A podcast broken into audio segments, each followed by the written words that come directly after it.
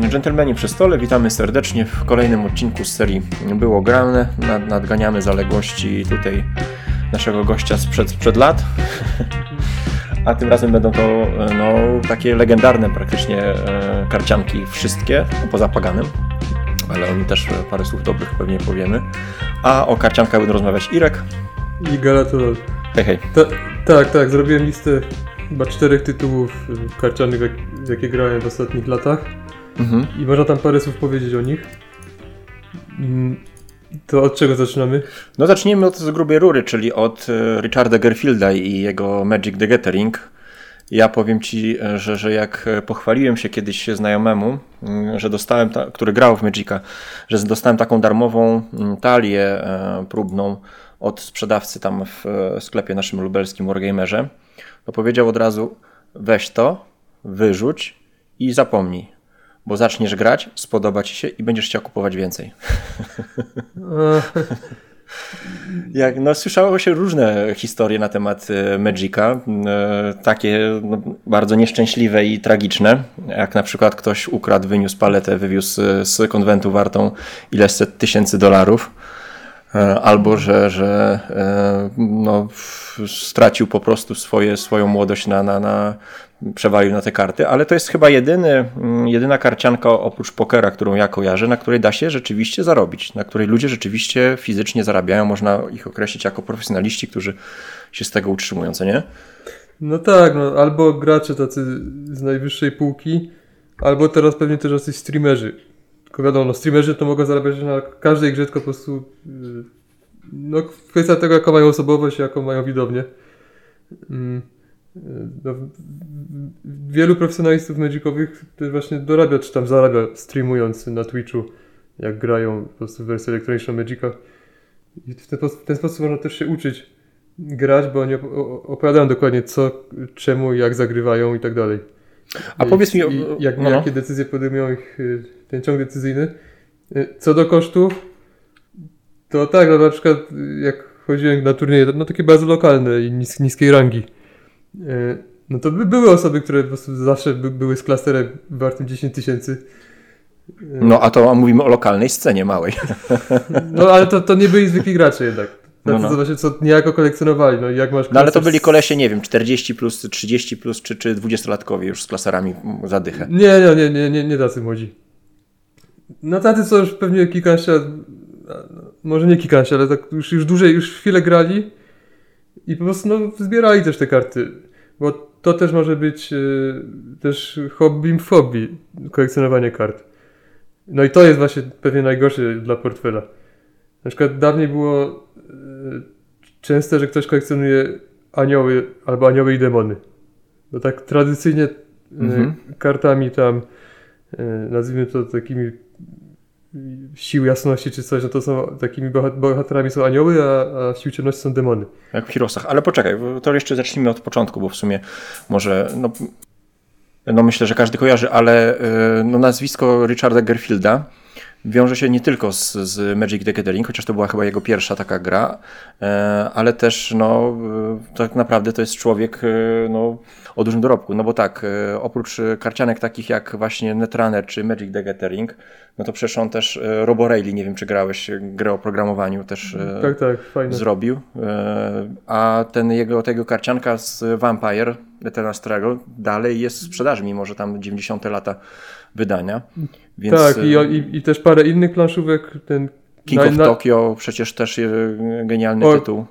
Tak, King of Tokyo właśnie to jest świetny tytuł. No taki, jeśli, jeśli nam nie przeszkadza losowość, ale łatwy mm -hmm. do zagrania i tak dalej.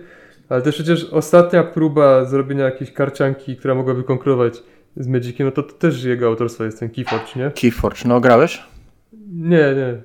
No właśnie Ale... miałem okazję e, pograć e, trochę. No, tutaj wiemy, że na przykład Warlock jest olbrzymim fanem e, tego tytułu, e, ale mi się nie udało w niego wciągnąć mhm. na, na tyle, żeby, żeby właśnie odstawić inne gierki kosztem, kosztem tego. Ciekawe była tej zarys, o której on, pamiętam, wspomina chyba w instrukcji, że chciał stworzyć grę, która tak jakby wraca do czasów dzieciństwa, kiedy e, karcianki nie były sposobem na zarabianie, czy, czy, czy nie decydowało to zasób portfela, tylko po prostu dostaje, dostaje to, co, tym, co mamy, tym gramy, nie? na takiej zasadzie. ładnie, ładnie dorobiony marketing, bo nam trzeba było też mnóstwo kasy wydać, żeby się dochrapać jakiegoś ładnego deku. Ale e, no, takie było założenie w myślach autora. Dobra, No. a powiedz, no, no. No, no mogę się zgodzić, że to jest y, geniusz. Tak, no. Tak różno... Po pierwsze dwie tak, do, to, tak dobre karcianki plus parę innych. Zresztą ten Va- Vampire Eternal Struggle też ma mnóstwo fanów. Mhm, nawet do tej trzy pory takie- Nawet w Polsce jest przez Alice Game przecież wydawany, jakieś Mhm. tam deki widziałem. Tak, więc trzy takie czołowe karcianki. Do tego Robo Rally, czyli gra zupełnie innego typu, ale też udana. No, znaczy, tam mogą być partie udane albo mniej udane, ale na pewno jest pomysłowa. Tego jej odmówić nie można. King of Tokyo też w swojej kategorii. E, bardzo, bardzo interesujący tytuł. No I i on to teraz robi, przecież- mając, domyślam się już, z- nie mając problemu z kasą, więc po prostu jest pasjonatem chyba. Mindbaga teraz przecież niedawno też wydał, też no, I to różne ma bardzo spolaryzowane e, opinie i fanów albo antyfanów e, tej gry. E, To on jest autorem Mindbaga? Tak. Mhm. Znaczy jest nazwisko, ale nie wiem, czy, czy wiesz, czy to nie jest tylko nazwisko, bo to też dzisiaj w dzisiejszych czasach różnie bywa. No nie grałem, tam słyszałem, No. słyszałem parę słów. Chyba Gradanie o tym mówiło. Tak, no. I, I też, no trochę ciepłych opinii widziałem y, od, od Magicowców, że y, jak się chce mieć coś prostszego, typu Magic, y, prostszego i tańszego, że to jest spoko.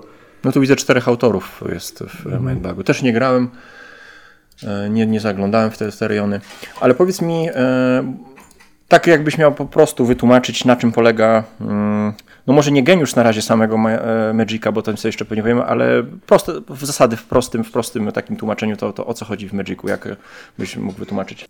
No to tak, w talii mamy powiedzmy trzy typy kart. Stwory, zaklęcia i lądy. No i raz na turę możemy zagrać ląd. Każdy ląd produkuje jedną manę. I potem to raz na turę produ- wyprodukuje nam jedną manę i zbieramy manę, żeby zagrać zaklęcia, czy też stwory. No i stwory mają atak i obronę, no i jak ma powiedzmy trzy ataku i atakujemy, no to zadaje trzy obrażenia. Każdy z nas ma 20 życia, no i jak ktoś dojdzie do zera, to przegrywa. To tak w bardzo dużym skrócie. Mhm. Z kolei zaklęcia mogą wzmacniać te stwory, zabijać stwory, y, robić jakieś zupełnie inne efekty. Są też oczywiście alternatywne warunki końca gry y, wy, wygranej, przegranej, ale, ale to już y, są, są szczegół, szczegóły. Y, bo na przykład może być w, dany, w danej chwili mogą być dostępne karty, które wprowadzają tam znaczniki zatrucia. Tylko to nie zawsze one są dostępne, bo właśnie, bo też ważne, ważne o jakim formacie w ogóle mówimy. No tak, bo tam jest też kilka frontów, ale zanim do frontu dojdziemy, to a co jest coś, co, co ciebie wciąga w, w jego grach? No to W, jego, w tej grze konkretnej, nie? To jest ważne, bo to jest, to jest wypadkowa tej gry jako gry, ale też tego, czym ona jest kulturowo. Mhm. Co mam na myśli? Chodzi o to, że po prostu w Magica zawsze ludzie grają. W dużych miastach, w świecie zachodnim. Żyje te, te, to środowisko. Tak, no. Yy, nie, nie grałem w Magica od paru lat, ale na pewno mógłbym teraz po prostu no, kupić sobie jakiś starter i pójść i, znaleźć gdzieś turniej w przyszłym tygodniu. I sobie zagrać.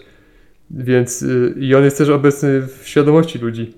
Yy, to jest coś, gdzie kiedyś boostery były przy w Empiku i tak dalej. To, to, więc to, jeśli chodzi o skalę, to, to jest nieporównywalne z żadną inną Jakaś karcianką. część popkultury po prostu, nie? Z tamtych lat, 90., 2000. Tak, tak. No w sumie Pokem, Pokemony też się trzymają.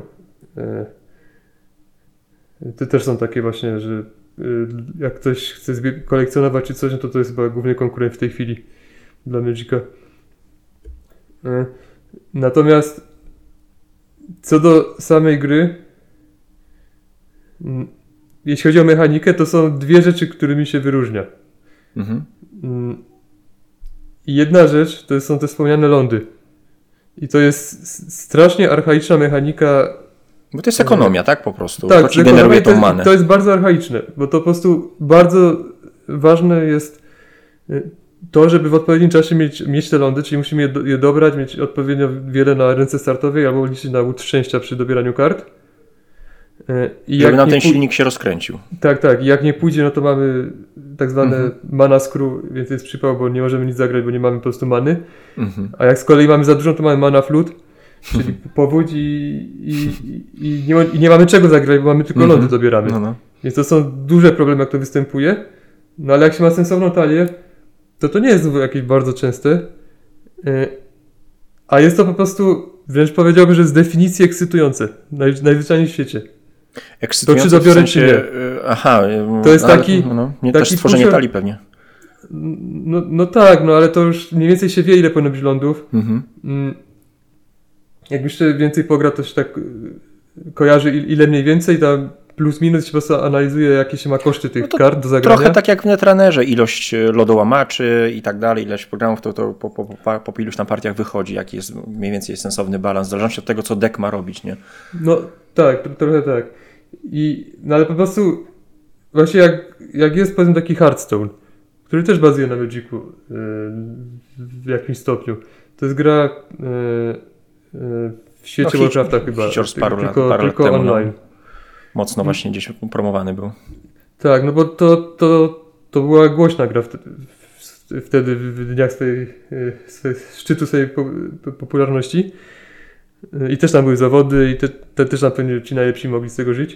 No Ale w każdym razie tam jest taki, taki myk, że po prostu w, pierwszy, w pierwszej turze mamy jeden do wydania, w drugiej mamy dwa, w trzeciej mamy trzy, w czwartej mamy cztery. Mówisz o Hearthstone teraz? Tak. No Mhm. i to jest, to, jest, to jest tak bardzo nieemocjonujące, nieinteresujące. To jest wręcz smutne. Jest zbalansowane i tak dalej, no ale to jest takie nijakie strasznie. No a czym się to różni od tej ekonomii, która się powoli rozkręca też w Magicu na przykład? No bo tam na początku też za dużo nie, nie zdziałamy. W, na przykład w Keyforge'u jest tak, że tam nie ma kosztów, nie? Tam kosztem jest tak jakby e, wybór domu i po prostu e, zagrywasz sobie karty, jakie, jakie chcesz, w jakiej kolejności, nie? A tutaj też powoli się rozkręcasz w Magicu. No tak, no ale ch- chodzi o to właśnie, że załóżmy, że mam rękę startową, tam 7 kart jest na, na start Mhm. i widzę, że mam dwa lądy, czyli tak dość mało, więc jest ryzyko, ale reszta kart jest super i w tym mam karty takie dobre na wczesne tury. Mhm. No i zaryzykować czy nie? No jest ten element pusher, pusherlaka. Mhm. Y, No i też trzeba pamiętać, że w Magicu Mulligany, czyli ten ponowny dobór ręki startowej, to Tak. jest dość kosztowny biznes. Mm, Tam, tam akurat się reguły trochę zmieniają. Nie wiem, czy się nie zmieniły jakoś bardziej w ostatnich latach, ale generalnie jeśli wciąż jest tak, że dobieramy jedną kartę mniej, no to to jest duża strata, bo to jest naj- najważniejszy zasób w Magicu, to są karty. Mm, Oczywiście są talie, które, w których to jest mniej potrzebne niż w innych, ale generalnie no, no taka jest prawda. I, I przez to czasem trzeba po prostu, po prostu wiemy, że mamy słabą rękę, ale trzeba zaryzykować, bo yy, no i liczyć właśnie na to, że dociągniemy ten ląd i to, to jest po prostu fajne dla mnie. Czyli u Ciebie no, ta, ta, ta ekonomia, budowa ekonomii jest, jest tym najlepszym elementem, jak e, rozkręcasz powoli ten, ten, ten swój e, silnik.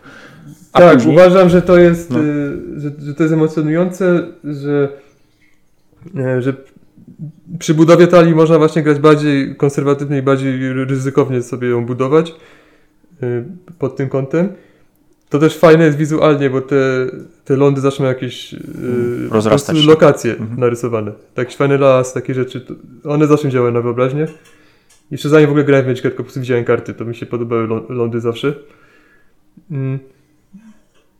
Y, I a, no, a druga rzecz, Mhm. która jest też y, raczej rzadziej spotykana w planszówkach, to jest mechanika stosu.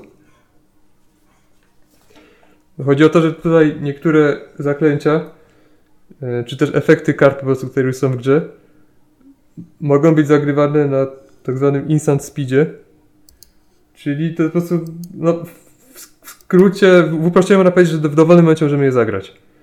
I jeśli w jednym okienku, w jednej chwili zagrywamy kilka, to je rozpatrujemy od najnowszego do najstarszego. I to jest właśnie stos.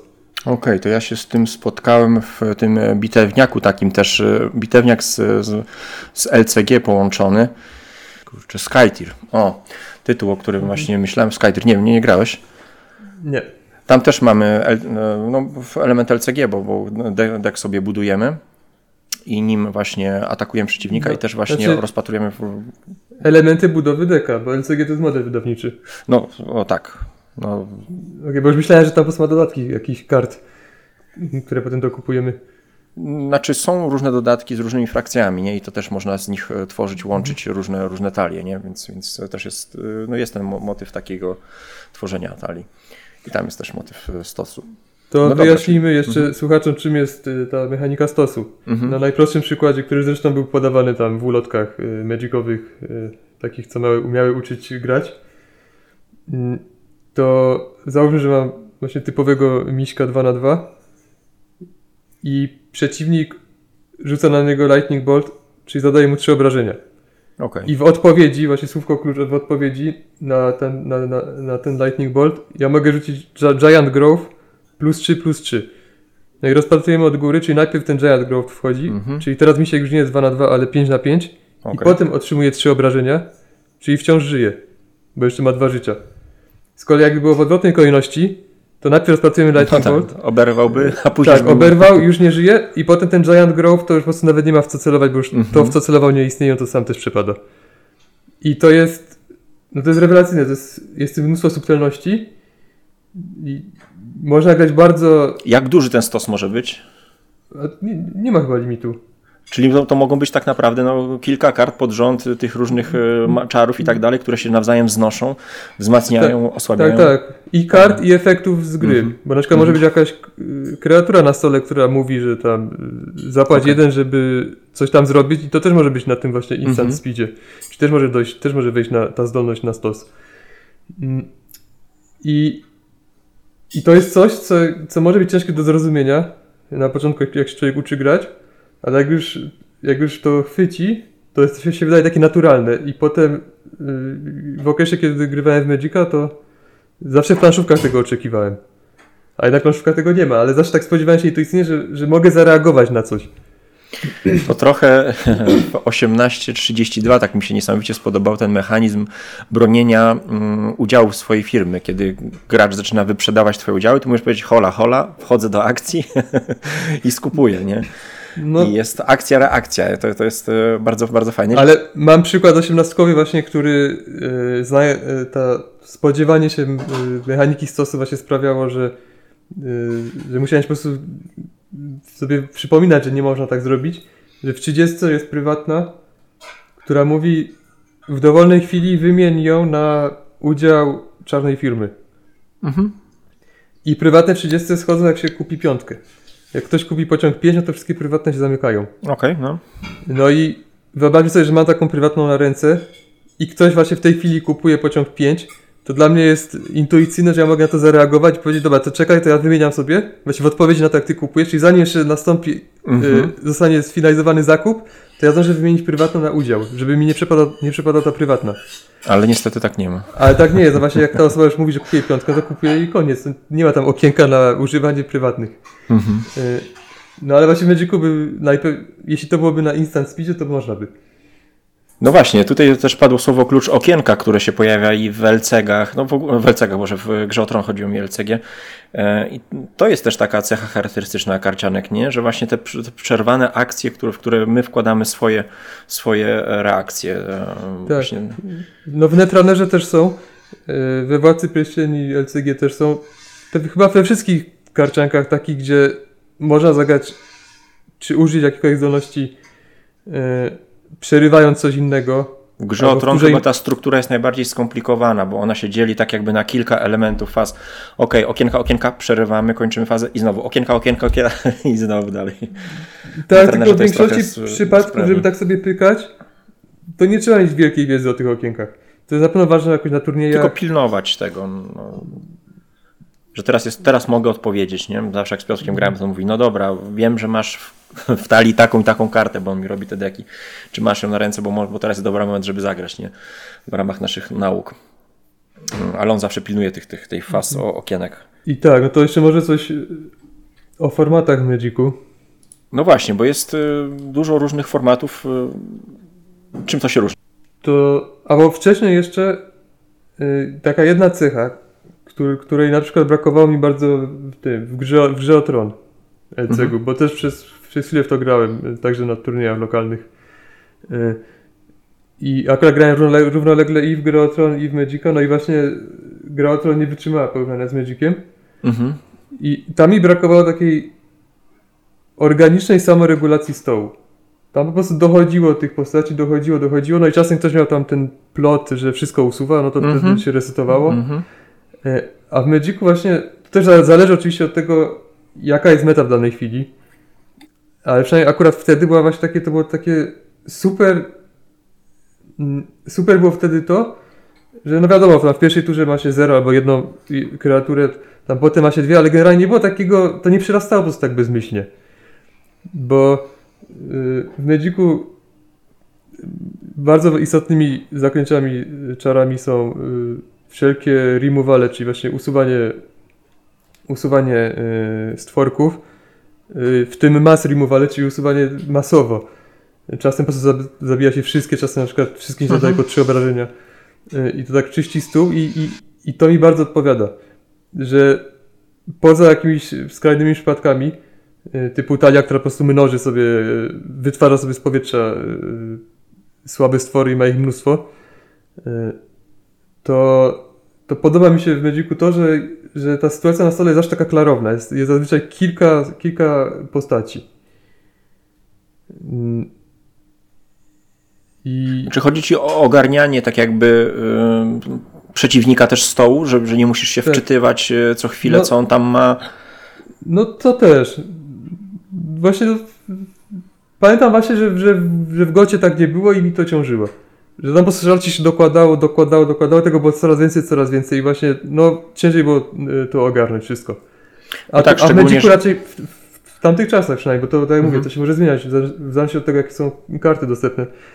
Ale y, tam było raczej tak, że na początku masz powiedzmy kilka słabych stworów, potem masz kilka mocniejszych, potem masz kilka mocnych i, i, i to było ciągle takie fajne, fajne Aha, czyli tak ten balans tak jakby był. się zwęża, tak? Na początku Mhm. jest więcej takich e, słabych, a później coraz, coraz mniej, ale mocniejsze. No, w, w Gocie jest, jest różnie, bo tam czekamy często, e, żeby wystawić tych grubasów na, na sam koniec albo wybrać taki dobry moment, kiedy będą w miarę bezpieczni.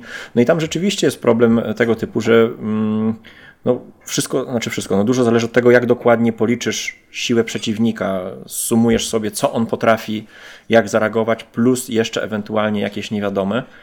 Więc e, przed każdym atakiem wypadałoby to wszystko dokładnie policzyć, nie? Żeby, żeby zgarnąć te informacje. Tu rozumiem, To- jest mniej tego liczenia po prostu. No, no nie, no, tak, tak bym tego nie, nie, nie ujął.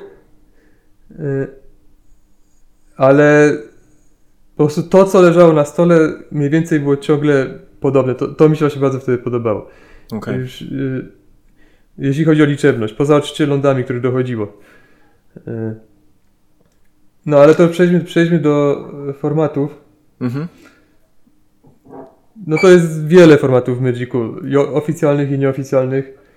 Y, Jak ja grałem, bo teraz to się, to się trochę pozmieniało z tego co kojarzę, mm, no to był taki format sięgający prawie do początku, mm, który akurat y, nigdy nie grałem.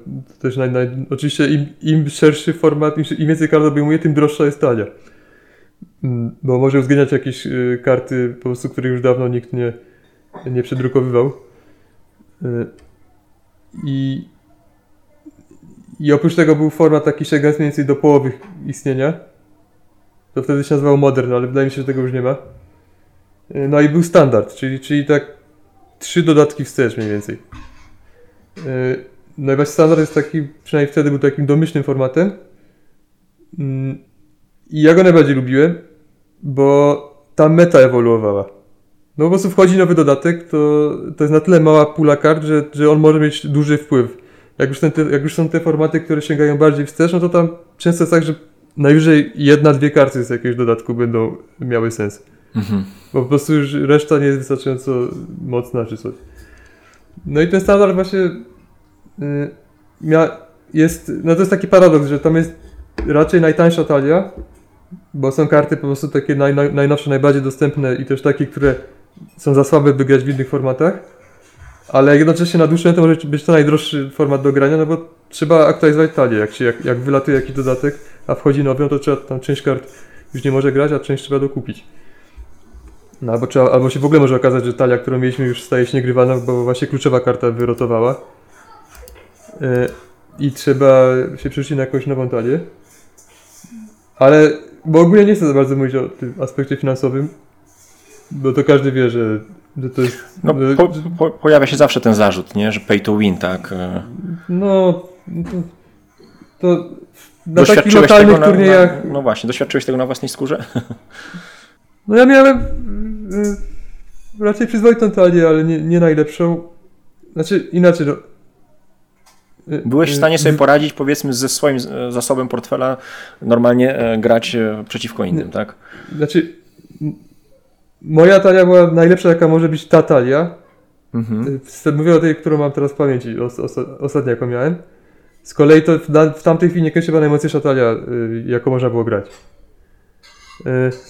Ale no, no ja nie byłem jakimś dobrym graczem, no to ja, ja w tych turniejach takich lokalnych to się zazwyczaj plasowałem tak w połowie, więc E, ale mm, generalnie na tym takim poziomie właśnie e, amatorskim, to tam jak ktoś po prostu umie grać, e, jest kumaty, to często wygra z, z, z, z wyraźnie droższą talią.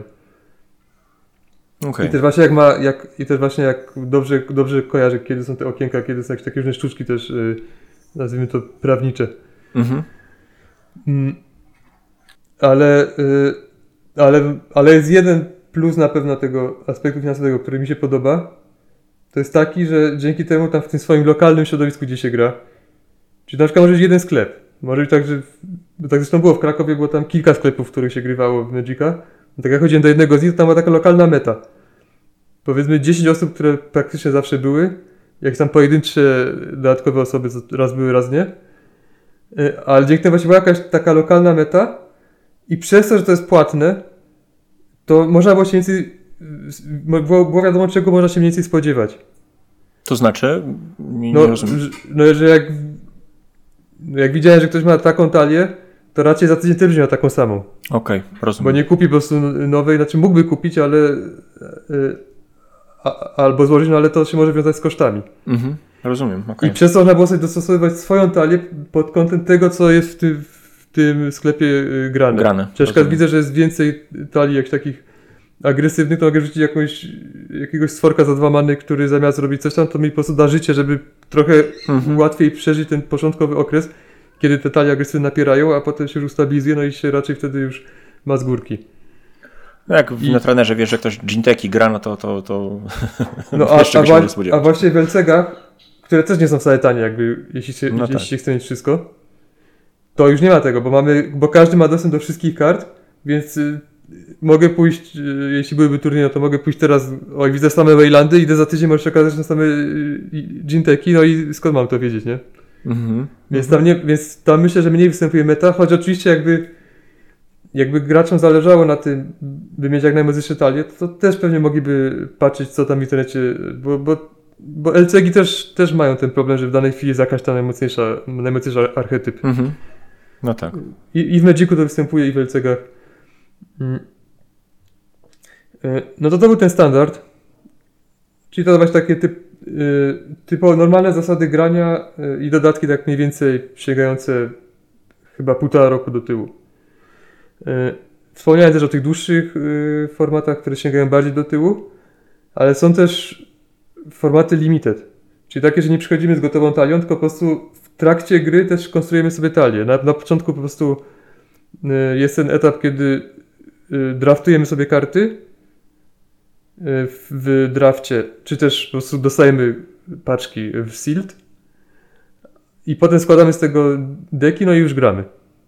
No w Star Wars Destiny bardzo fajnie się ten format sprawdzał właśnie takiego draftu, że zaczynamy sobie po prostu od otwierania paczek i, i z tego co wy, wydraftujemy tym gramy. No to tak, to draft to polega na tym, że E, chyba mamy trzy boostery na głowę, siedzimy w kółku i po prostu otwieramy, wybieramy jedną kartę, przekazujemy dalej. I z tego, co tam uzbieramy sobie, to będziemy potem składać talię, a sealed to dostajemy chyba 6 boosterów i po prostu je mamy. I to ja to zazwyczaj grałem na takich y, wydarzeniach bardzo fajnych, bo to takie luźne turnieje, turnieje są.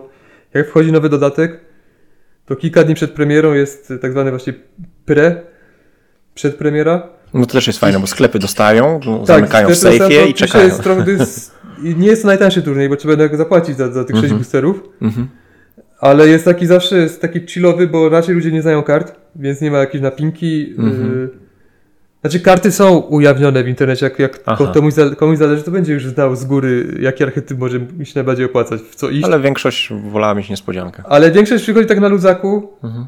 i to są bardzo fajne e, turnieje. I są nawet magicowcy, którzy nie grają w Magica, ale na te pre sobie chodzą. Mhm. I potem po prostu sprzedają to, to, co, to, to, co zdobyli. Zazwy- Zazwyczaj też na samym początku e, niektóre karty można drożej sprzedać niż potem. E, No też w drugą stronę też to może działać, ale jest szansa, że się tam e, kilka dych odzyska. Mm. I no i to limited, to tam już nie ma tego argumentu, jak, jak mocno masz talię. E, No za to samo, sama rozgrywka jest droższa, no bo trzeba opłacić te boostery. E, Choć oczywiście jak, jak ktoś ma wygrać, to, to może mu się zwrócić. Mm, Bo potem na koniec zazwyczaj się też jakieś tam nagrody Nagrody pieniężne, no. Tak, że się otwiera się, nie, że otwiera się raczej boostery, typu jak jest 10 osób, to na przykład 5 boosterów będzie, yy, z, tych, z tego wpisowego się po prostu kupuje 5 boosterów, otwiera się, wykłada na stół, no i od, od pierwszego miejsca się, po, się po, wybiera po jednej karcie. Zazwyczaj tak to było na tych turniejach, na które ja chodziłem. No okej, a- no no. Więc na tym, jak, jak, jak ktoś często był właśnie w czołówce, no to, yy, to turnieje mu wychodziły za darmo albo, albo nawet zarabiał. Hmm. Nie jakieś wielkie pieniądze, ale... No ale przynajmniej się zwracało. Tak.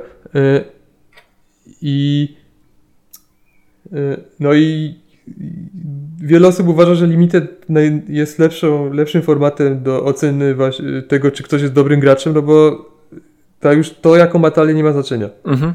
Tylko umiejętności, pom pomysłowość, że tak powiem, kreatywność. Mhm. Z drugiej strony też może się zdarzyć, że trafi się komuś tak zwana bomba, czyli po prostu niesamowicie mocna karta y, y, w, w tym formacie. Mm. Ale no też pewnie trzeba było tą kartę dobrze odczytać. Nie wiem, właśnie no, tak Nie, bo to- to raczej- Tron, że tam tak wprost nie ma em, instrukcji obsługi, nie? że też musisz wiedzieć, gdzie ją wsadzić, w którym momencie, z czym połączyć. Tak, znaczy, te takie najmocniejsze bomby limity to raczej widać, że to, że to, że to jest Mhm. przemocne, a nawet jak nie widać, to i tak się o tym szybko idzie, szybko idzie wieść, y, co wygrywa drafty. y, ale to, znaczy co wygra? No nie, nie sądzę, by, by poza może pierwszymi tygodniami y, danego dodatku, y, by ludzie byli zaskoczeni, że coś się okazało bombą. To raczej, to raczej już wiadomo, jak się, jak się siedzi w, w, w świadku magicowym. I mnie, mnie kręci to budowanie, nawet nie tyle budowanie talii, co takie masterowanie jej. Po prostu Mhm. bardzo mi się podoba to ogrywanie w kółko tej samej talii, tam i drobne zmiany. y, Przy, właśnie czy dodać jeden ląd, czy odjąć jeden ląd. I, i katowanie w, ciągle te, te, tego samego deka, y, uczenie się otwarć, y, jak, za, jak zagrać w takiej sytuacji, jak w takiej i tak dalej. No, A w. Limited tego nie ma. no tak, no bo grasz na żywioł. No y, tak. No, Poza tym to on po prostu też miał droższe turnieje. No Mhm. bo jak trzeba kupić trzy boostery, no to wychodzi no, powiedzmy- 4 dychy zamiast y, 8 zł. Mm. Za to też trzeba zaznaczyć, że można sobie robić takie w takim casualowym graniu tak zwane y, cube drafty. Czyli cube to jest po prostu zbiór kart, które się ma i się z nich po prostu tworzy się takie wirtualne paczki i się z tego draftuje. Czekaj, to też jest o tyle fajne, że wiesz przynajmniej co krąży, nie? W, w. Tak, można mieć po prostu dobrze. Są, są, są takie w internecie dostępne listy e, na jakichś takich polecanych zestawów. e, Jak, jak, jakie karty tam wrzucić, żeby to fajnie ze sobą współgrało. No i wtedy po prostu jedna osoba musi raz to kupić, czy, czy tam sobie sproksować. e, Czy jest taki jednorazowy wydatek, a potem można już do, dowoli Mhm. grać te, tą pulą kart. No ale Mhm. i co, to są te formaty, które ty ogrywałeś? No ja głównie grałem w- standard i sealed właśnie na No. tych y, na tych przedpremierach. Y, I najfajniej wspominam y, jedną z przedpremier, gdzie y, graliśmy y, 2HG, czyli Two-Headed Giant, czyli dwugłowy gigant. I to było tak, że najpierw sobie złożyliśmy właśnie z tych sześciu boosterów talię, Y, A potem z kolegą, znaczy, no każdy był w parze z kimś i po prostu graliśmy 2 na 2. I no i to było super. I nie pamiętam, czy mogliśmy się wymieniać kartami w obrębie tych naszych. y, Być może mogliśmy, ale no, to było mnóstwo fanu. Yy, no, ba, yy, bardzo dobrze, dobrze to wspominam. No w Gota też można grać, znaczy to nie, nie gra się 2 na 2, tylko na, na, nawet na 4 osoby, tylko że po prostu każdy przeciwko każdemu. Tutaj w, takie debla po prostu żeście, tak? Tak, dokładnie. Jeszcze na, na, na koniec tak, yy, wspomnę o formacie, yy, który w tej chwili jest, yy, jeśli się nie mylę, to jest naprawdę najpopularniejszy magicowy format. I to jest format nieturniejowy, on jest raczej casualowy. Choć właśnie na pytanie, czy jest to jeszcze, to poruszę. I to się nazywa Commander. Albo EDH. Albo EDH. I to polega na tym, że mamy 100 kartową talię i żadna karta nie może się powtarzać. I oprócz tego mamy jedną legendarną kreaturę, która jest naszym szefem. I ją generalnie zawsze mamy dostępną do zagrania. No trzeba oczywiście opłacić koszt.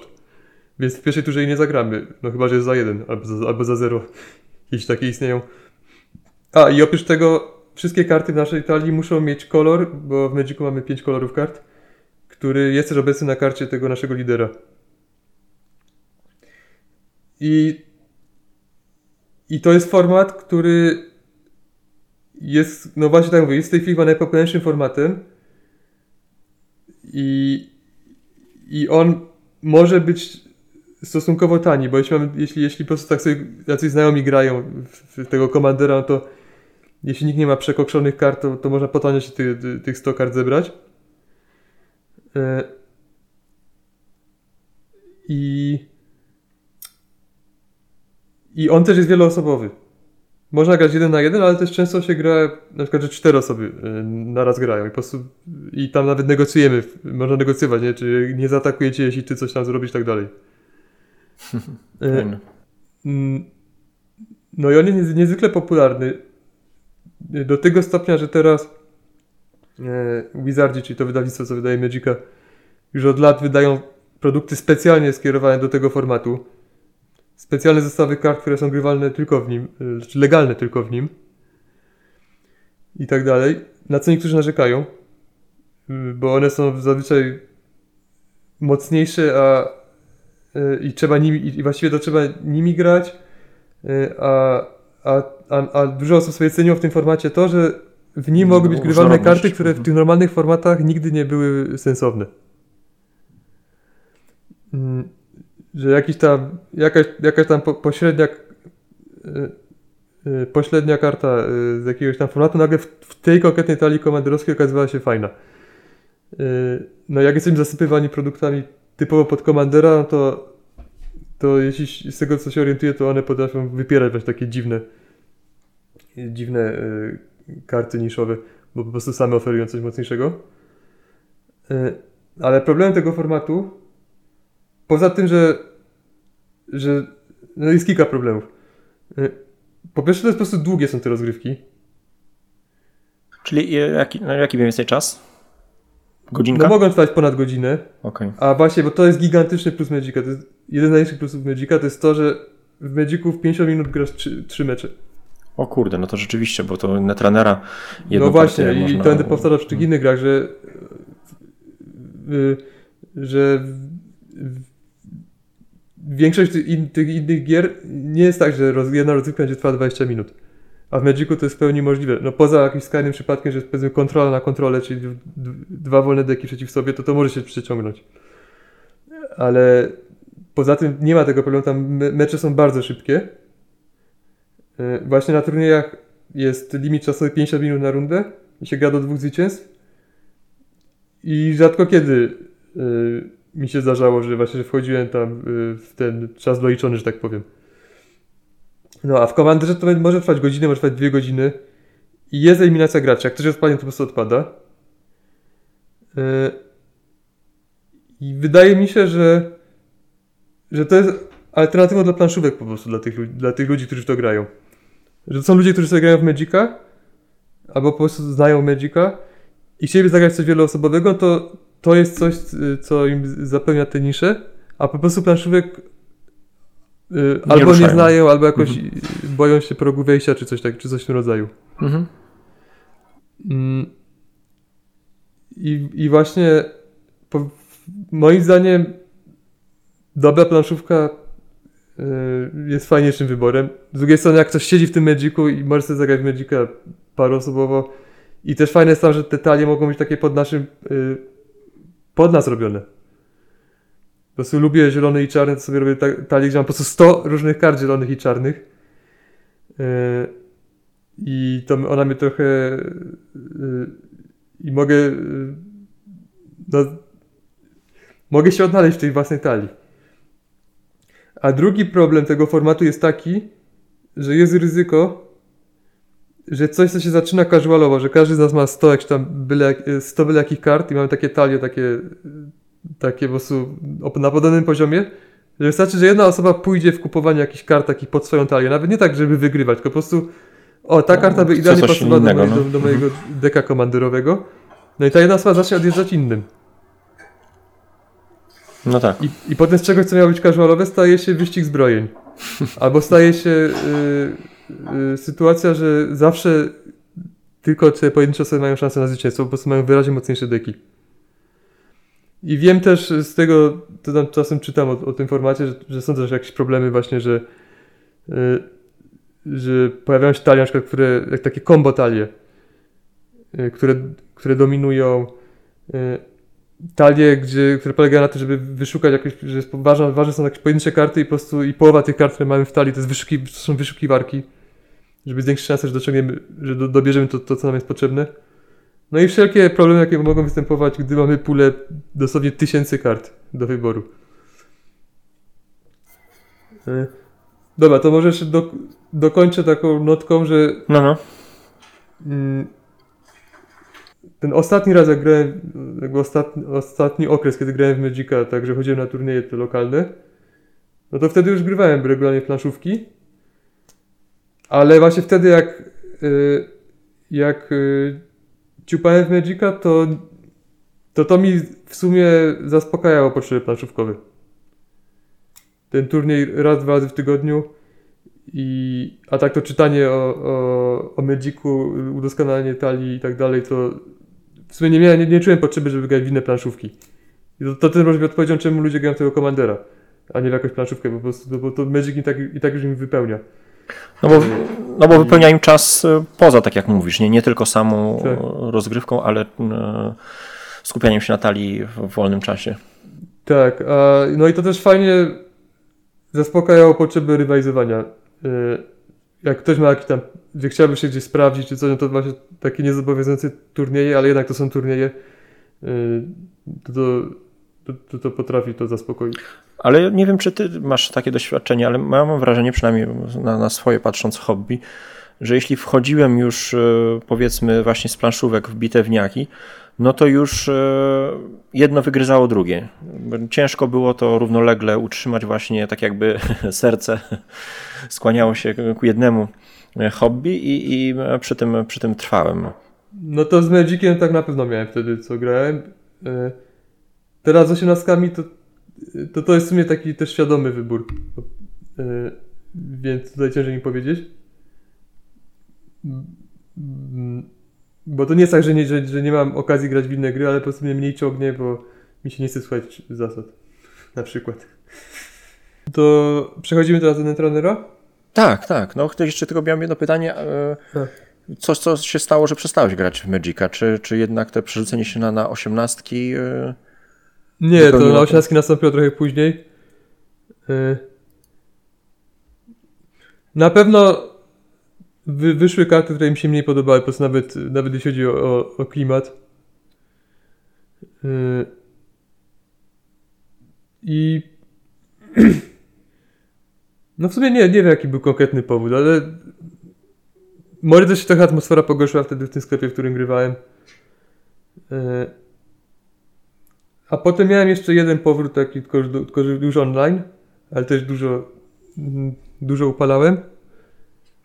No teraz tam z kolei mnie zmęczył grind, bo tam było takie coś, że, że każdego dnia miało się jakieś takie osiągnięcia do, do zrobienia, żeby dostawać wi- wirtualną walutę, za którą się po- kupowało karty, no i starałem się to Mhm. zawsze, zawsze zrobić i w sumie dużo czasu na to schodziło i, i, i, i zaczęło mnie to wkurzać. Ale no a teraz, no, no teraz nie miał... Teraz było, byłoby mi raczej ciężko grać, bo to właśnie właśnie jak gram w Magica, wtedy jak grałem i też ogólnie ludzie tak mówią, że to jest sposób grasz w to i tyle. I raczej nie ciągnie do innych rzeczy. Yy, a jednak, yy, jednak wolę grać w 18 czy też w inne planszówki niż, niż Magica. Ale jakbym miał grać w tego rodzaju karciankę, a już szczególnie jeśli zależałoby mi na turniejach, no to, no to na pewno bym wrócił. Mhm. Nawet po, po powyżej Netrunnera, tak? Go stawiasz? Mm, jeśli chodzi o scenę, to tak. No dobra, no to bo, przejdźmy teraz, no, no. No bo, no bo tam scena istnieje po prostu. Ale no, też no, to, jest, to jest idealna turniejowa przez to właśnie, że te mecze są krótkie. To mi bardzo odpowiada. E, no i właśnie to przejdźmy do Netrunnera. No tutaj słuchacze chyba wiedzą mniej więcej o co chodzi, bo już tam było parę odcinków, gdzie poruszaliście ten temat. No wiadomo, korporacja przeciw yy, hakerowi. Tak, bardzo symetryczna. Już z samego założenia. No, no bo Magic też, no każda właściwie karcianka jest asymetryczna, nie tylko w zależności jaką talię sobie stworzysz, no ale tutaj styl gry też jest e, inny zupełnie. Tak, tu z definicji obaj gracze są, grają inaczej. Do tego stopnia, że mają karty, których nie mogliby używać w danej chwili w, w, w talii konkurenta. Po prostu raz korzystamy z jednej puli kart, a innym razem z drugiej. Tak, korporacja nie może się używać lodołamaczy, tak. a e, Netrunner nie może się zasłonić lodem. No to może bardzo z, z grubsza to korporacja mm, ma trzy serwery główne, czyli swoją rękę, swoją talię i swój stos kart odrzuconych oraz może sobie budować serwery poboczne, na które zazwyczaj, znaczy między innymi może wrzucać agendy i, te, i wszystkie te serwery mogą być chronione, chronione lodami.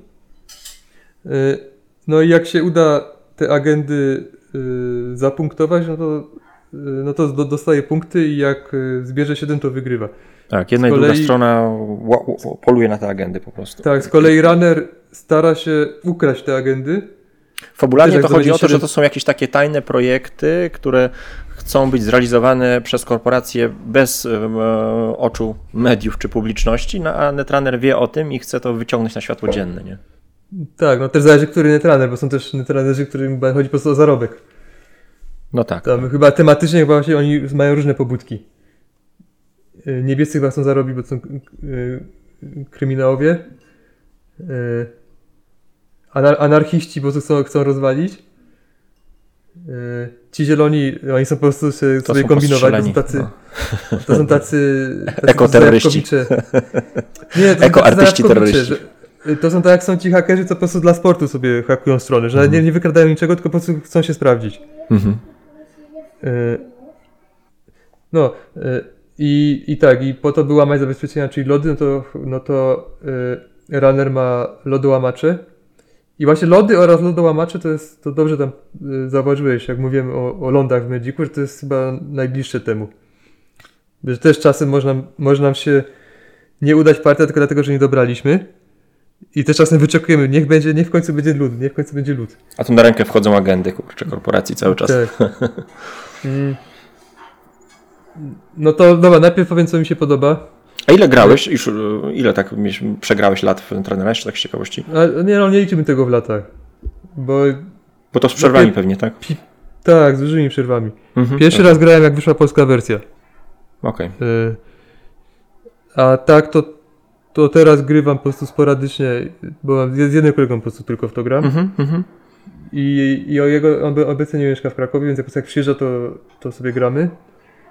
Mm. I no ogólnie mam jakoś chyba, chyba 200 partii. Mm. W Magica pewnie mam parę tysięcy, więc mhm. to nie ma porównania. Rozumiem. E, ale tak. E, to co mi się podoba? E, podobają mi się, czy najbardziej mi się podobają w, w, pod, wszelkie odmiany blefu, jakie występują w Netrunnerze. I to właśnie tym się wyróżnia na tle innych karcianek. Zresztą wspominaliśmy o tym tam w którymś odcinku y, niedawnym. Tak, Piotrek opowiadał na trenerze, no. Tak, że mm, po pierwsze to, czy, czy to, że korporacja może instalować coś, wiedząc, że ra, znaczy licząc na to, że runner pomyśli, że to jest agenda, to nie jest agenda, tylko to może być pułapka albo po prostu jakiś śmieć. Y, ale też sam fakt tego, że jak korporacja odrzuca karty, bo na przykład ma limit na ręce i musi odrzucić kartę, czy, czy coś w tym rodzaju, to ona rzuca je do góry nogami. Czyli dopóki runner nie, nie wejdzie na ten serwer kart odrzuconych, to na nic tam leży. Więc na przykład jak widzę, że mój przeciwnik nigdy nie, y, nie robi skoków na, na discard, to mogę tam sobie rzucić agentę, jak mam za dużo na ręce i, i, i liczyć na to, że on tego nie zrobi. Y, I, I tak samo jak on nam robi atak na rękę, to kartę wybiera losowo. Czyli może się zdarzyć, że mamy 5 kart na ręce, tak. 3, 3 agenty. To też jest czego, to, to jest, to my na każdym kroku są takie emocjonujące rzeczy. Czy, czy dobierze agendę, czy nie. Nawet jeśli to jest prymitywny rodzaj emocji, yy, bo to po prostu ślepy traf, ale jednak to jest emocjonujące. Yy. Tak, no do tego dochodzą przecież te wszystkie manewry, żeby tą rękę odchudzić przed skokiem jeszcze, żeby, żeby jak najbardziej zwiększyć swoje prawdopodobieństwo odkrycia.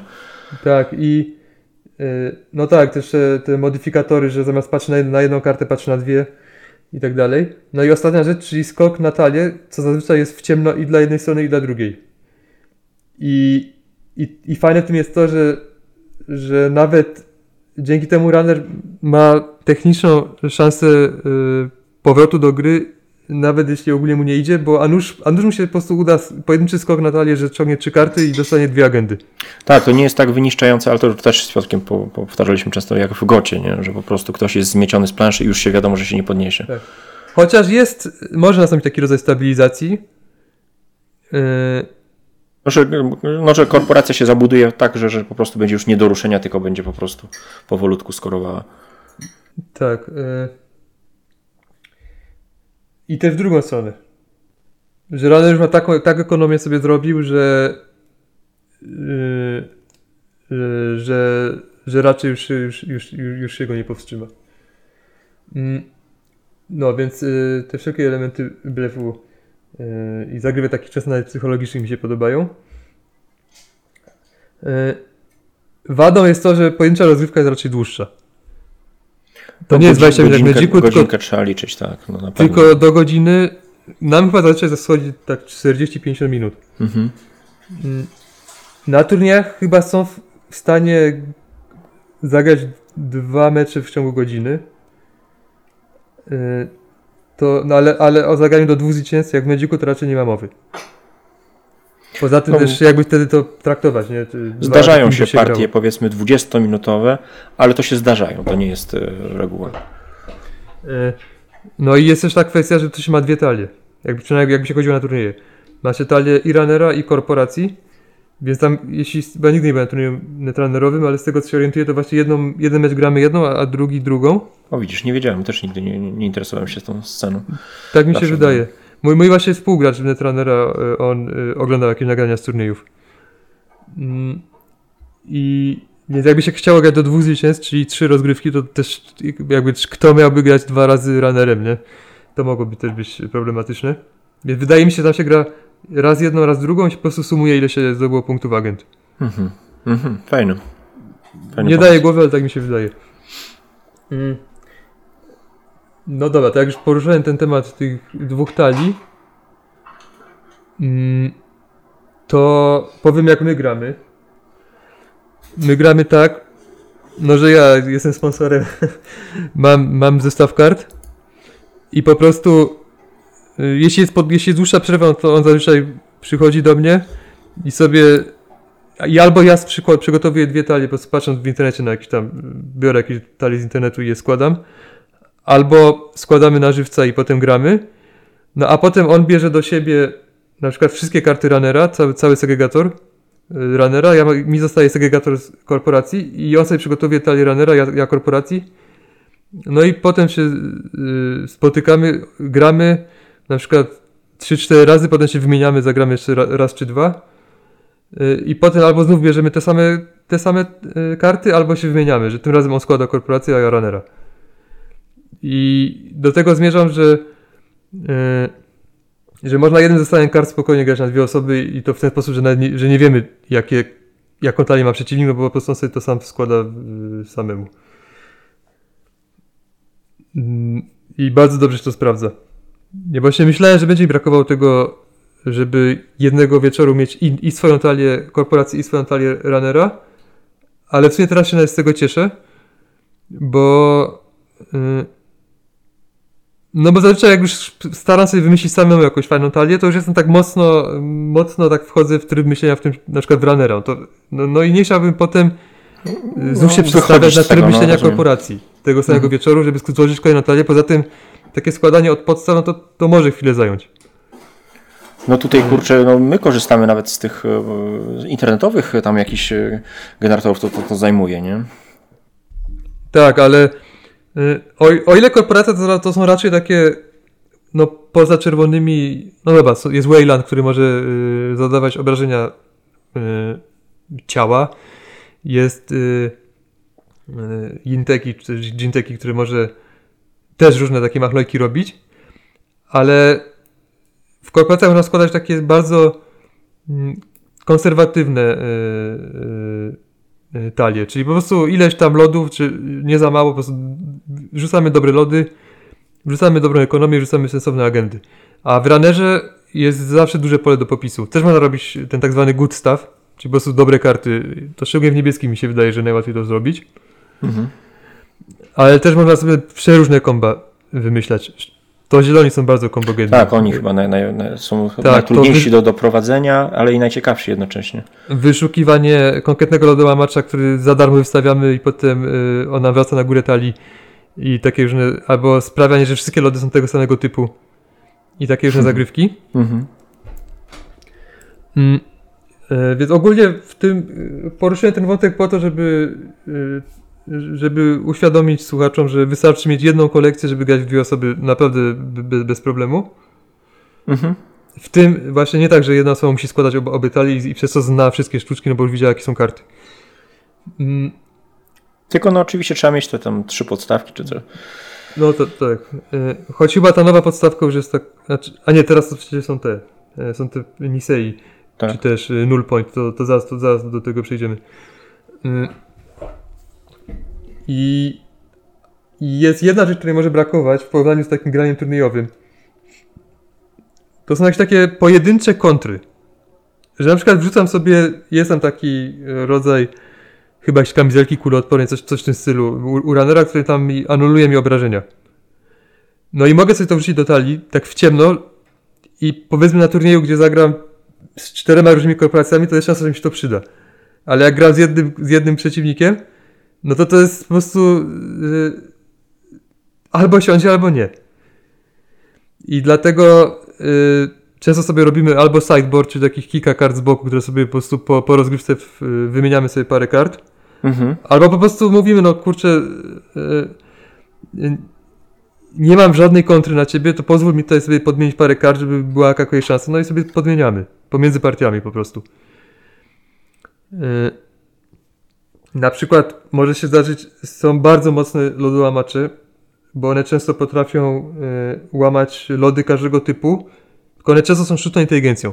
I przez to, a, a, a są karty w korpo jakieś takie, które na przykład zniszcz po prostu y, coś Wszystkie tam AI. e, AI-owego, czy coś w tym Mhm. stylu. Mhm. No to, to czy korporacja ma taką kartę w talii, czy nie, to, to, to jest być albo nie być. E, Podobnie jak konty na wirusy i tak dalej. Mm, Więc y, my właśnie sobie pozwalamy tam podmieniać parę kart, jak, albo jak widać, że ekonomia w ogóle nie działa, y, to żeby coś dorzucić. Mm, No i zawsze warto mieć te, które pozwalają wygrzebać gdzieś tam ze śmietnika czy z Mhm. archiwum e, właśnie karty. Tak, tak, no ale to, to właśnie wiadomo właściwie z góry, więc ja Mhm. takie karty mam. Szcz- Szczególnie jak gram fioletową korporacją. Mm, No dobra, to może o tym Nisei, bo generalnie Netrunner już nie jest wydawany. Tak, E, a to jeszcze tylko powiedz, czy jest coś, co cię na przykład denerwuje w Netrunnerze poza, poza y, czasem y, rozgrywki? Nie, poza czasem nie. No, bo, no zdarzają się czasem partie, że tak. O, o, dobra, denerwuje mnie opresyjność y, Jinteki. Czerwonej A- Another korporacji. shit in Jak się, zrobi tak. tam, jak się zrobi tam tali na tych ogrodach, co tam. Yy, to jest takie coś, że nawet jak się, jak się uda skok, to potem jeszcze trzeba y, trafić ileś tam pieniędzy z, z, yy, zadeklarować i trafić, żeby, żeby było tyle samo co przeciwnik, czy coś w tym stylu. Yy, więc jeszcze jest taki element losowy, czy w ogóle nam cokolwiek wyjdzie nam z tego skoku. Yy, I co gorsza, ten mój przeciwnik, z którym grywam Netrunnera, który właśnie pod, czasem sobie robi takie talie, to znam trochę jego charakter i wiem, że on by strasznie się znosił, jakby przeciwko czymś takiemu grał. Więc ja nigdy taki taj nie robię, po prostu, bo, bo mi to nie będzie sprawiało przyjemności, jak będę widział, jak on się frustruje. Yy, I to, I to mnie wnerwia. I, a druga rzecz, która mnie wnerwia, tylko to być wina naszej lokalnej mety. U nas w każdej talii korporacyjnej gra yy, pewien, pewien lud. Yy, bo uważamy go za najmocniejszy lud i denerwuje mnie, że nie ma więcej punktów influenza, bo wtedy by, by, byłby trudniejszy do wrzucenia do każdej talii. Influence to jest takie coś, że jak nie gramy danym kolorem, to y, możemy tylko ograniczoną liczbę kart y, wrzucić. Tak. Mhm. Na, przykład, na przykład nasza korporacja może mieć 15 punktów influenza cudzych kolorów, czyli jak wrzucimy 3 mhm. karty o koszcie 2, no to zostaje nam 9 punktów na inne karty. A powiedz mi, czy nie, na przykład nie denerwujecie y, losowość w takim sensie, że mm, no, widzisz jakąś niesprawiedliwość powiedzmy po, po, po partii, która powiedzmy trwała na, jakoś wyjątkowo krótko, bo, bo na przykład runnerowi co chwilę dochodziły e, nie.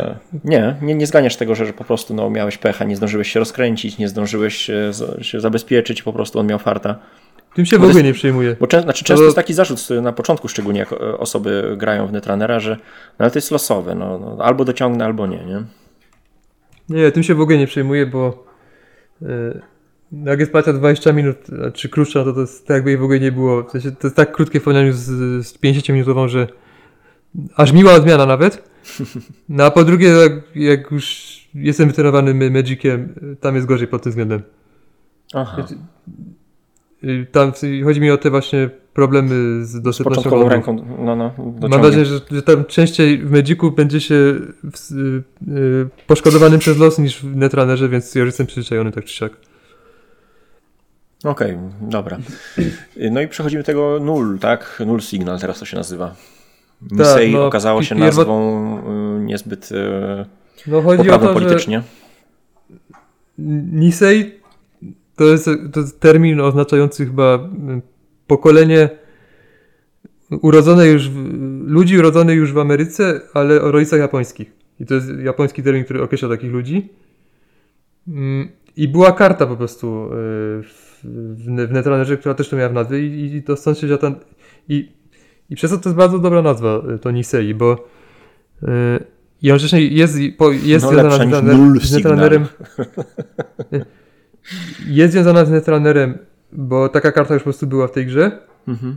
Y, a też jej znaczenie, czyli, czyli właśnie to drugie pokolenie też pasuje, no bo to, jest, no bo to Nisei to jest organizacja fanów, fanów y, którzy postanowili utrzymywać tę grę przy życiu. No, Projektować nowe karty, organizować turnieje i tak dalej. No i potem stwierdzili, że to jest, że, że to może być jakieś tam krzywdzące, czy takie nie do końca w porządku, bo ten termin był chyba tam, że może być był używany stygmatyzująco mm -hmm, czy coś mm -hmm. i mhm. że niekoniecznie coś się tym podpisywać. Trochę tak jakby u nas powiedzieć, że ty jesteś słoikiem po prostu w Warszawie, nie? tak, no. Znaczy, no nie, nie chcę się w to wgłębiać. Mm -hmm. Nie będę jakoś kruszył kopii, to ja, ja, raczej dalej używam Nisei, po prostu już się do tego przyzwyczaiłem. Mhm. E, ale tak, oficjalnie teraz to jest null point. A druga zmiana taka zauważalna to, to było to, że już nie ma obrażeń mózgu. Dawniej były brain damage, teraz są core damage, bo też uznali, że e, no, że to może być takie no, no to uznali to za niepoprawne po prostu, mhm. że obrażenia mózgu. Że, no, są też inne jakieś drobniejsze nazwy, ale to, to są takie dwa, dwa przykłady mm, najbardziej charakterystyczne, takie najgłośniejsze. Ale no to już, to już mniejsza, mniejsza z, tą, z tą organizacją. Ja poruszyłem ten temat dlatego, że nie podobają mi się pliki. Pliki w sensie grafiki? E, nie, grafiki, no grafiki są ok. E, Im dalej w las, tym są fajniejsze moim zdaniem. Te mhm. pierwsze, jakie zaprezentowałem na samym początku, właśnie takie jakieś takie zbyt e, rysunkowe były. Teraz już jest fajniejszy, fajniejszy miks. Więc do grafik się nie, nie przyczepiam ale przeszkadzają po prostu pliki, chodzi mi o layout kart. O Aha. takie różne takie, o, o te y, szablony. Chodzi o to, że oni na przykład po pierwszym albo po drugim dodatku postanowili dać taki dodatkowy cień. Y, na przykład za logiem, za logiem Waylandu takie białą poświatę, żeby to było bardziej widoczne i nie zaktualizowali starych plików. A, o, takie, o takie czysto techniczne pierdoły mi chodzi.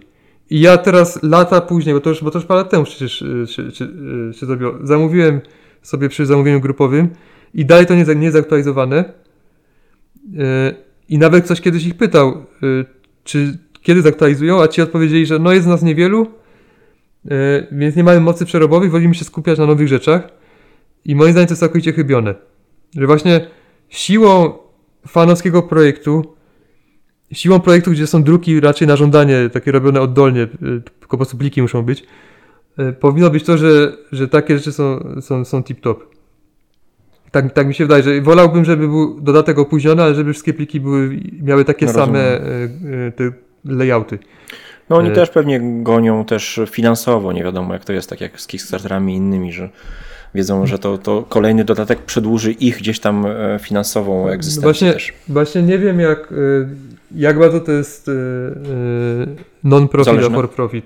Na mhm. pewno tam można coś wpłacać, też zresztą kiedyś płacałem. Na, na, można na od nich zamawiać? Tak, można od nich zamawiać. Jak się zrobi te zamówienia grupowe, przynajmniej te, w których ja biorę udział, to też im się coś tam parę, parę dolców przelewa. E, każda osoba przeleje. W sensie, no, organizator to robi w mhm. imieniu kupujących. Mm, więc nie, nie wiem, czy tam są wynagrodzenia jako takie, czy jakieś tam po prostu jakieś premie czasem sobie przyznają, czy coś. E, e, ale na pewno mnie boli to, że pliki są niespójne.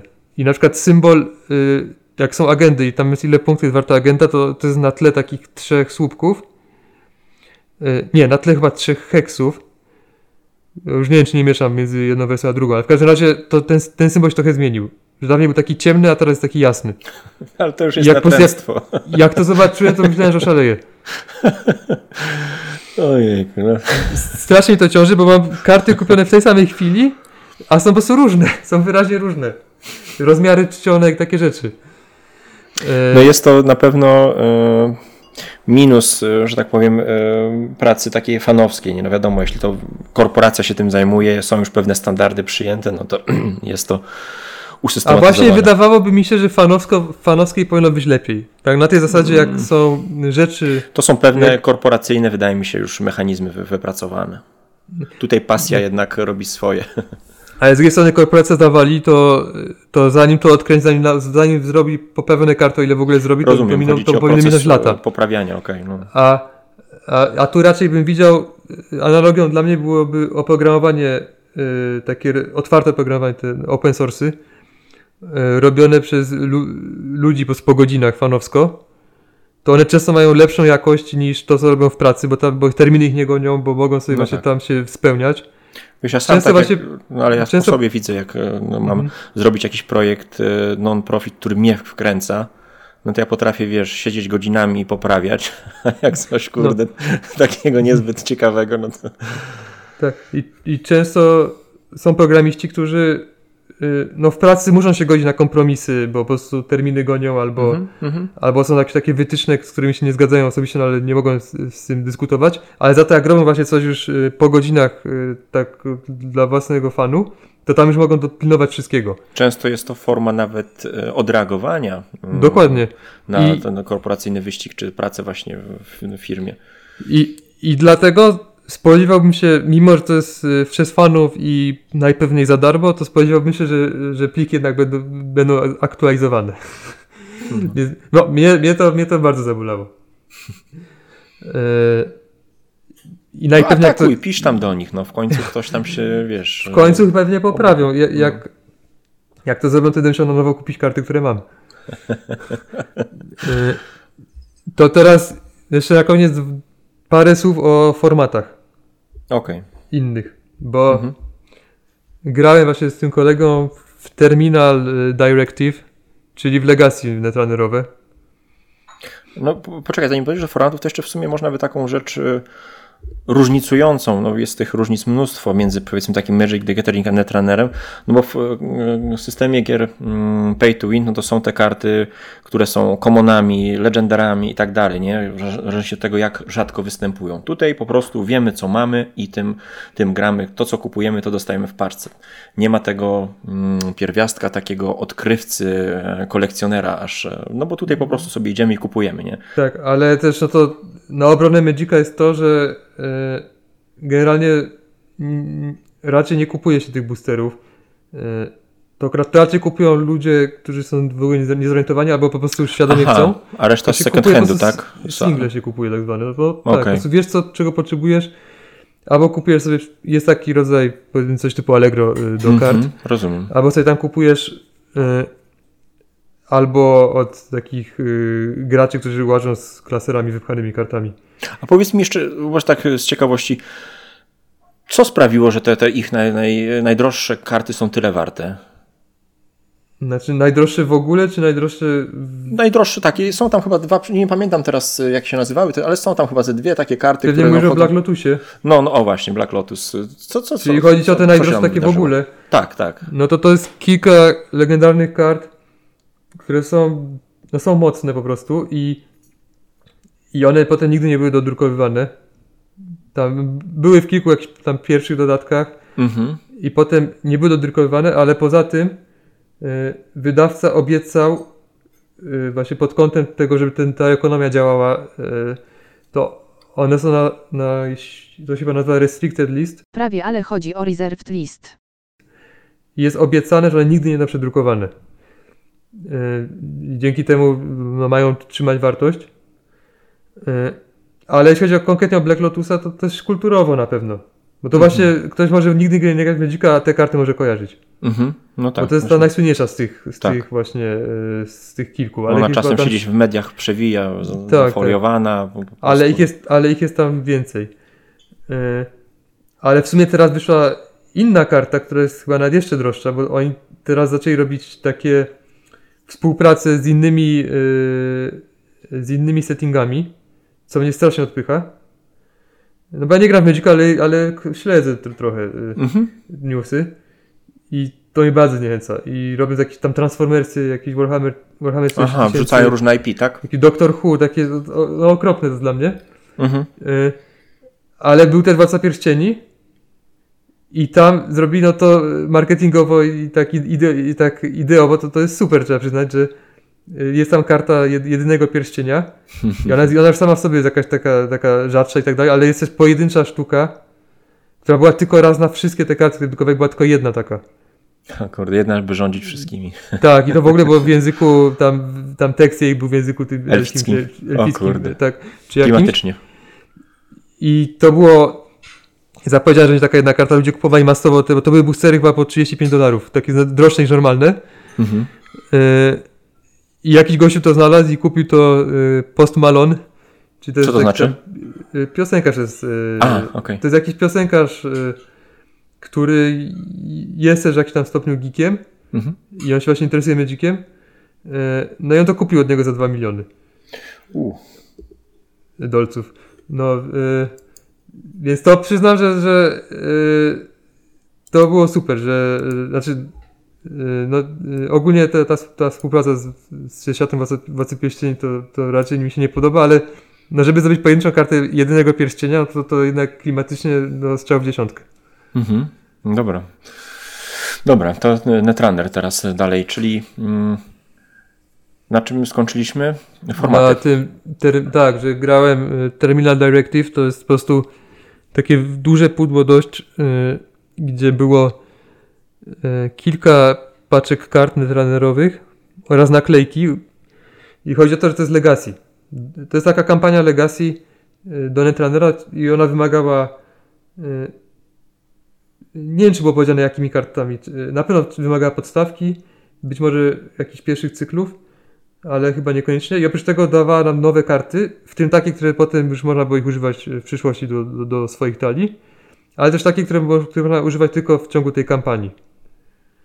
No i tam się ro, grało się chyba, nie wiem, około 10 rozgrywek.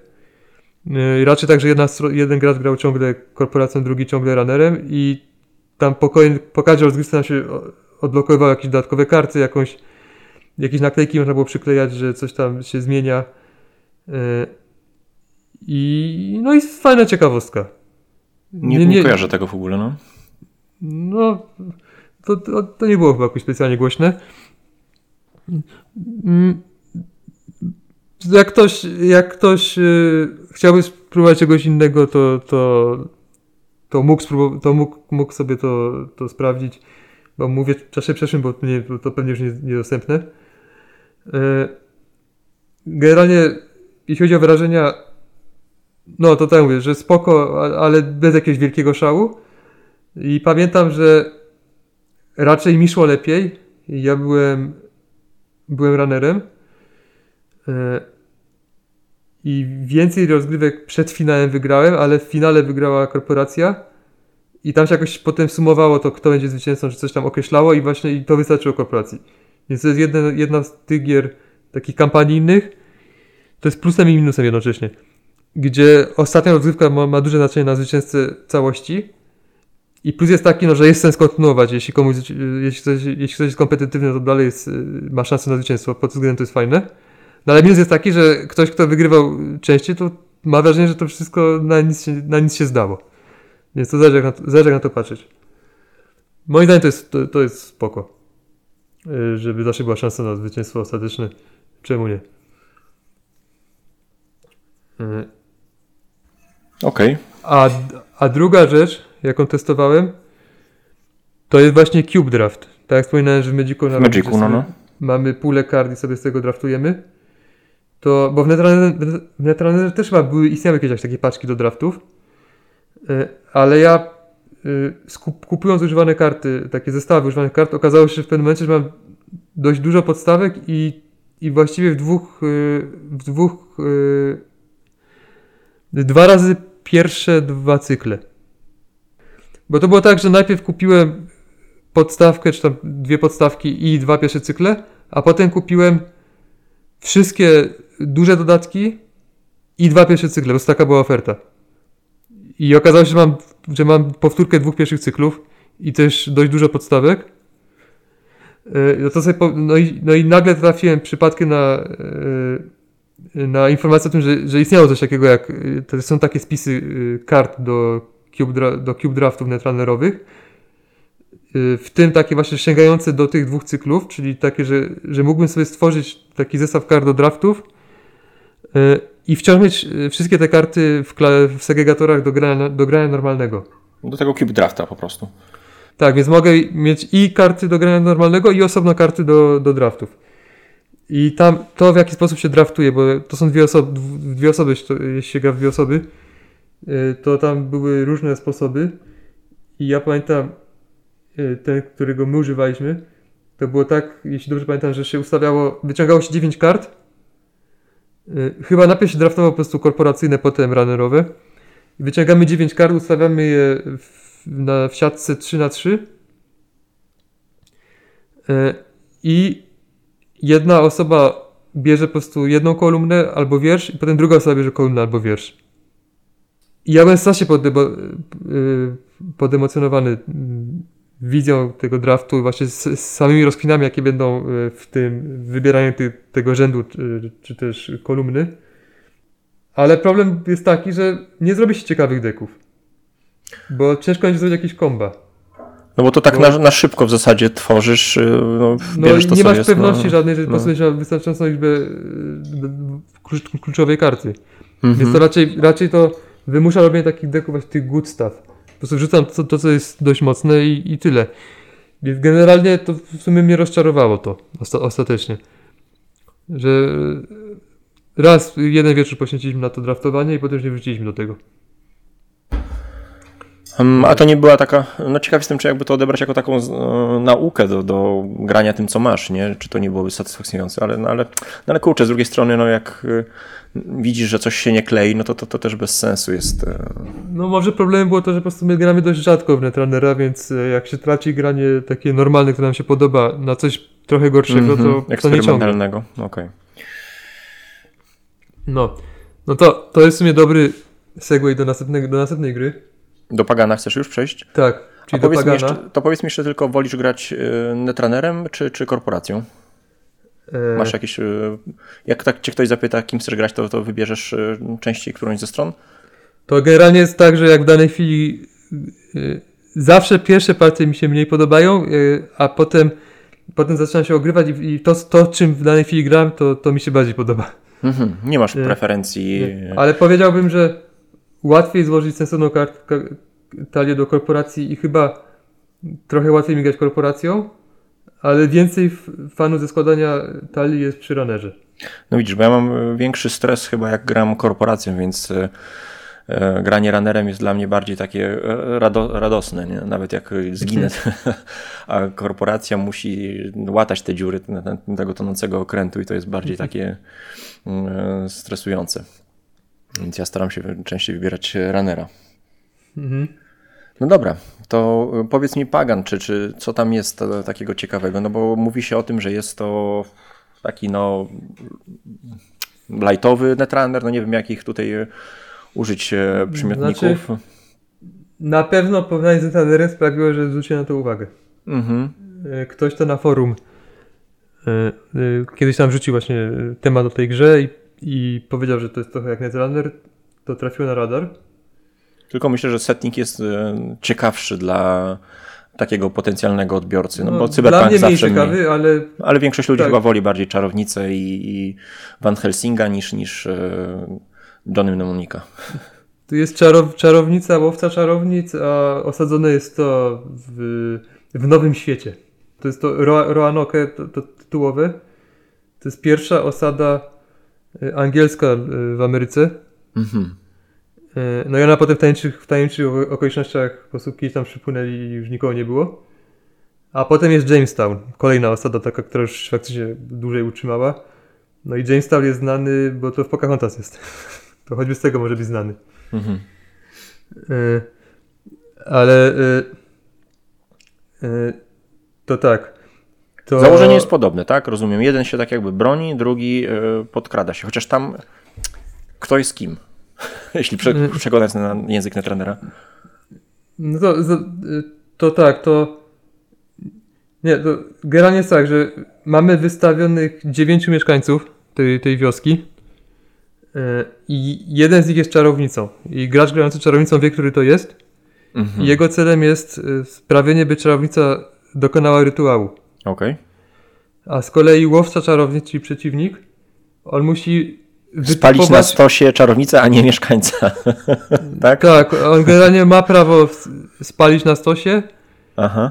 i jak to zrobi na, na złym mieszkańcu, to to No. jest bardzo bolesne dla niego, a jak to zrobi na czarownicy, to, to wygrywa.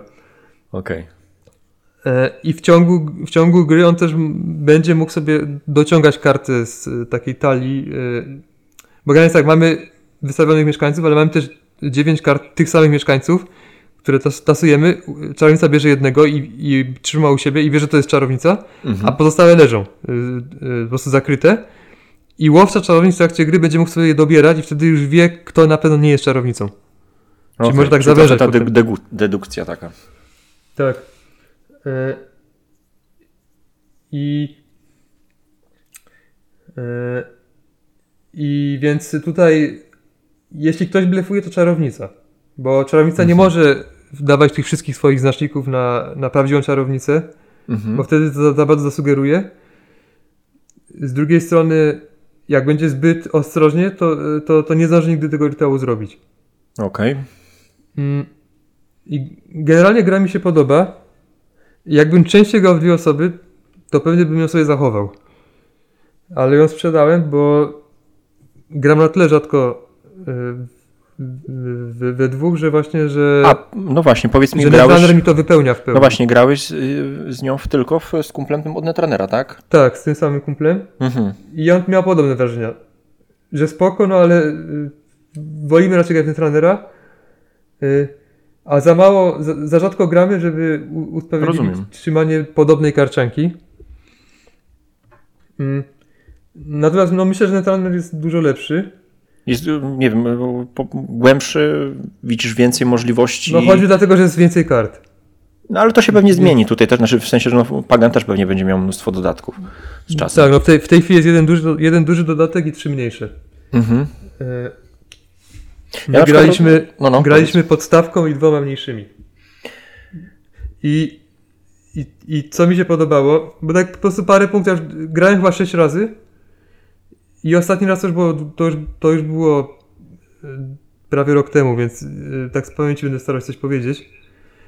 E, Podobało mi się no ta dedukcja była fajna, to takie staranie się oszukać łowcy, łowcę, więc kładąc porówno na różnych mieszkańców.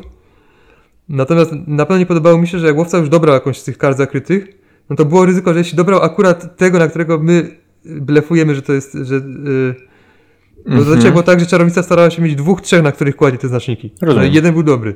Mhm. No jak łowca dobierze yy, tak To fortunnie... mu się to- zakres y, tak, zwię- to mu się znacznie zwęża, Mhm. zawęża zakres. Y, e, mm, ale no, ogólnie grało się spoko. To, to, to właśnie nie powiem, że grało się źle, ale w tych naszych takich no, bardzo pewnie amatorsko granych partiach był ten problem, że łowca zawsze wygrywał. Wszystkie wygrał łowca. I patrzę na, BGG, to, to często ludzie mają ten problem, ale z kolei na wysokim poziomie, bo są, były jakieś turnieje, to podobno tam właśnie z kolei czarownica zawsze wygrywa. Mhm. Więc to jest pewnie poziom, problem y, z z naszymi umiejętnościami. Y, a na przykład nie, bardzo mi się nie podobało, że czarownica ma możliwość zagrania enchantmentu, czyli takiego, takiej karty, która ma efekt tam potem y, trwający. I to jest, to było dość kosztowne, a łowca mógł taniej, stosunkowo taniej to usunąć po prostu z gry. I on co prawda poświęca na to akcję. I to właśnie w tym jest siła czarownicy, że ona może wymuszać na łowcy poświęcanie akcji na mniej potrzebne rzeczy niż to jego śledztwo. No, aha, bo łowca generalnie, on też kładzie znaczniki na tych mieszkańcach i, i im więcej, tym lepiej dla niego. E, I wtedy nie może kłaść znaczników, tylko musi poświęcać, poświęcać akcję na walkę z tymi enchantmentami. Ale jednak było czuć, że... e, Znaczy, ja miałem odczucie, że zawsze mu za łatwo to przychodzi. E, I że krótko czarownica ma przewagę dzięki tym swoim duży, w dużych trudach y, ze zagranymi kartami. Wiem, że dodatek coś tam zmienia, że przynajmniej, albo wprowadza przynajmniej jakiś nowy rodzaj enchantmentu, które wymagają dodatkowej opłaty, żeby je ściągnąć. Więc, to, więc z nim może byłoby lepiej pod tym względem. E, ale właśnie w, w tych naszych partiach dominował łowca i też było coś takiego, że był wyraźny punkt kulminacyjny w każdej, w każdej grze, że o ile na początku czarownica miała więcej do powiedzenia, to potem nastąpił taki punkt przegięcia i od tego czasu wyraźnie łowca y, miał coraz więcej głosu. Czyli trochę tak jakby ta korporacja się obudowała już e, na Tak. tyle dobrze, że on, e, ten- netrunnerowy mm, runner nie miał już e, podskoku do niej. Tak, i nie było, tam nie, w naszych partiach nie było dramaturgii. Mhm. Po prostu było czuć mniej więcej w którym momencie już czarownica zaczyna odstawać i od tego czasu to już było po prostu czekanie na, na, na śmierć. A powiedz mi, ile partia trwała? No właśnie dłużej niż netranerzy. Tutaj tak godzinę. I to nie jest, że, wy tak po prostu graliście na razie na początku, one, one tyle trwają. Y, No nie, nie, nie chcę tak odpowiadać, bo, bo, y, no bo graliśmy tylko 6 razy, ale, ale chyba można się spodziewać, że to będzie przynajmniej tak długie jak Netrunner, ale raczej dłuższe. Nic nie zapowiada, żeby nagle się skróciło do tam do 20 minut. Nie? Nie, właśnie podejrzewam, że jakbyśmy grali bardziej świadomie, to byłoby jeszcze więcej myślenia Mhm, mhm. i, No, i no. kombinowania. I takiego, y, no, takiego, takiego grania mniej wprost, żeby y, była ciągle utrzymywać niepewność, więc sobie raczej tylko wydłużyło grę. A ja właśnie wierzę, że karcianki powinny, szczególnie takie właśnie takie konfliktowe na dwie osoby, powinny być, powinny być krótkie raczej. Już Netrunner jest dla mnie trochę za długi, Mhm. to jak jest coś, co jest, co uważam, że jest raczej gorsze i jest jeszcze dłuższe, no to już, no to już y, tym gorzej. Mm, A może to być e, dobra gra, bo właśnie tak pamiętam, że rozmawiałem z Boardgame e, Pandą. On też e, grał w Netrunnera mm, i też gra w Pagana. I on na przykład go traktował trochę jako taką grę wejściową w, w ten świat, nie? że bardzo zadowolony był z rozgrywek właśnie z nową osobą, która go tam mówi, że, że strasznie oszwabiła, mimo że, że Mhm. koleś nie miał tam za dużego doświadczenia w, w karcianki, to właśnie dzięki tym, tym blefom udało się go z- zmanipulować.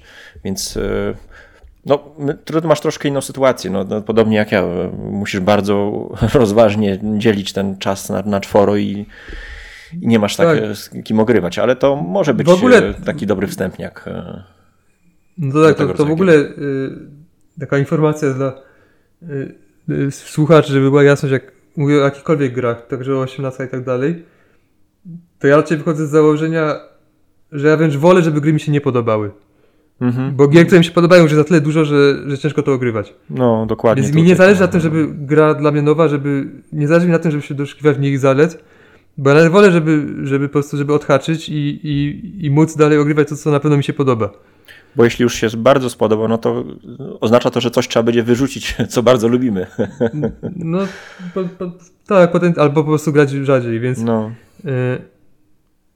y, ja co do tego, czy to się komuś nowemu spodoba, y, to na 18 konie słyszałem rozmowę dwóch osób, właśnie coś tam z jakiegoś powodu rozmawiali y, o, o, karciankach i, i, i jeden powiedział, że no, że zagrał tam y, ostatnio Netrunnera jedną partię i nie wie w ogóle o co, o co, o co to halo, mhm. bo grał też w Pagana y, I Pagan też- był dla niego też bardziej czytelny. znacznie bardziej mu się podobał. Mhm. No, rozumiem. Bo próg wejścia Więc myślę, zrozumienia to- jest. No, Myślę, że coś w tym może być. No. I też może faktycznie klimat bardziej, bardziej yy, zachęca. Mm, No mnie akurat nie, ale, ale yy, mi, się, mi się po prostu ten klimat y, korporacji walczących z hakerem podoba. Mm. no bo tutaj, e, znaczy no, powiedzmy, no, literatura też robi swoje, nie?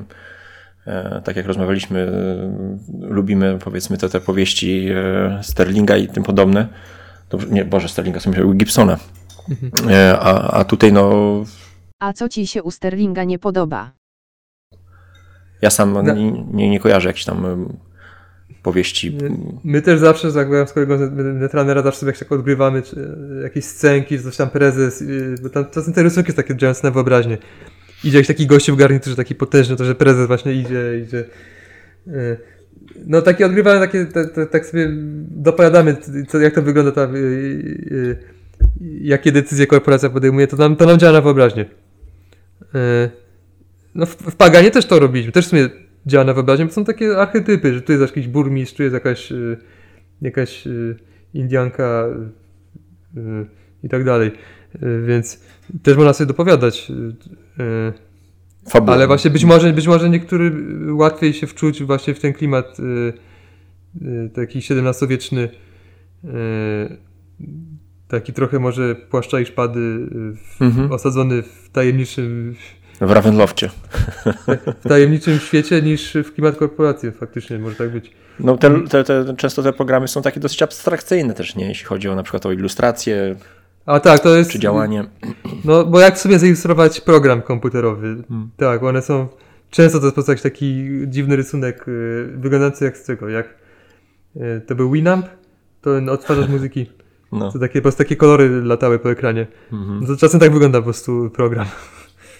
czy też lód, bo to są programy. Lody to też są programy. I lodo, lodołamacze, no, lod, czy to lodołamacze, czy to lody. A często jeszcze ta, ta, ta grafika, powiedzmy, lodomacza jest okraszona jakimś, jakąś postacią. Tak się zaczyna zastanawiać, kurde, co jest? No to to jest program, czy, czy człowiek? No, wizualizacja po prostu programu. tak. No. Mm. no dobrze, to. No, więc No. Więc Pagan, tak podsumowując, jak ktoś często gra w dwie osoby, yy, to na pewno warto sprawdzić.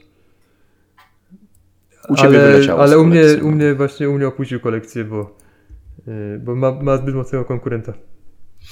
No dobrze, to zostaje nam coś zupełnie z innej beczki, yy, czyli karcianka, ale kooperacyjna. Właściwie ja z jedyne doświadczenie, jakie mam z karciankami kooperacyjnie, to był Arkham e, Horror, to było w tytule, już nie pamiętam się tytuły, te, Tak. mm, który tam gdzieś pierwszy ten, ten set e, miałem. Bardzo mi się podobał, aczkolwiek grałem to solo i mm, strasznie ciężko było w którymś scenariuszu już e, to przejść. No ale mm, powiedz mi, e, co ciebie kręci właśnie w Władcy Pierścieni, bo o nim będziemy rozmawiać. To tak, to grałem w to tylko solo. I Ale grasz dalej? Grasz dalej? No, grywam. I Generalnie E, ja to kupiłem niedługo po wyjściu polskiej wersji, za, za pierwszym razem. Wtedy, no wtedy co wyszła pierwszy, pierwszy raz polska wersja. W nie wiem, czy wyszła dwa razy, ale e, no wtedy co, wtedy, co, w każdym razie wtedy co pierwszy raz wyszła, kupiłem to i zagrałem dwa albo trzy razy i uznałem, że spoko, ale że w sumie nie chcę się w to grać i to sprzedałem. E, a potem już dłuższy czas później chyba akurat czytałem Władcę Pierścieni po raz kolejny i jakoś tak mnie wzięło, że, że, że w sumie może bym dał jej kolejną szansę tej grze i najpierw sobie zagrałem y, za darmo na TTS-ie, czyli Tabletop, Tabletop Simulatorze, żeby się upewnić, czy, czy, czy mi się to spodoba. I w sumie fajnie mi się grało, to, to postanowiłem kupić podstawkę na jakieś pojedyncze dodatki. No i zacząłem w to grywać i no i od tego czasu grywam, y, od, tam od paru lat co jakiś czas. Nie jakoś dużo, bo mi się uzbierało y, chyba 80, 80 parę partii, z czego niektóre partie są bardzo krótkie. Właśnie o tym, o tym zaraz powiem. Mhm, dobra. Y,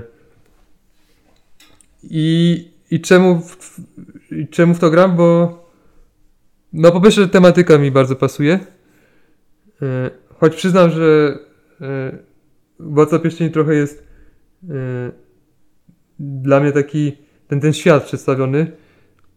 Ja mam trochę taki wyidealizowany obraz tego w głowie.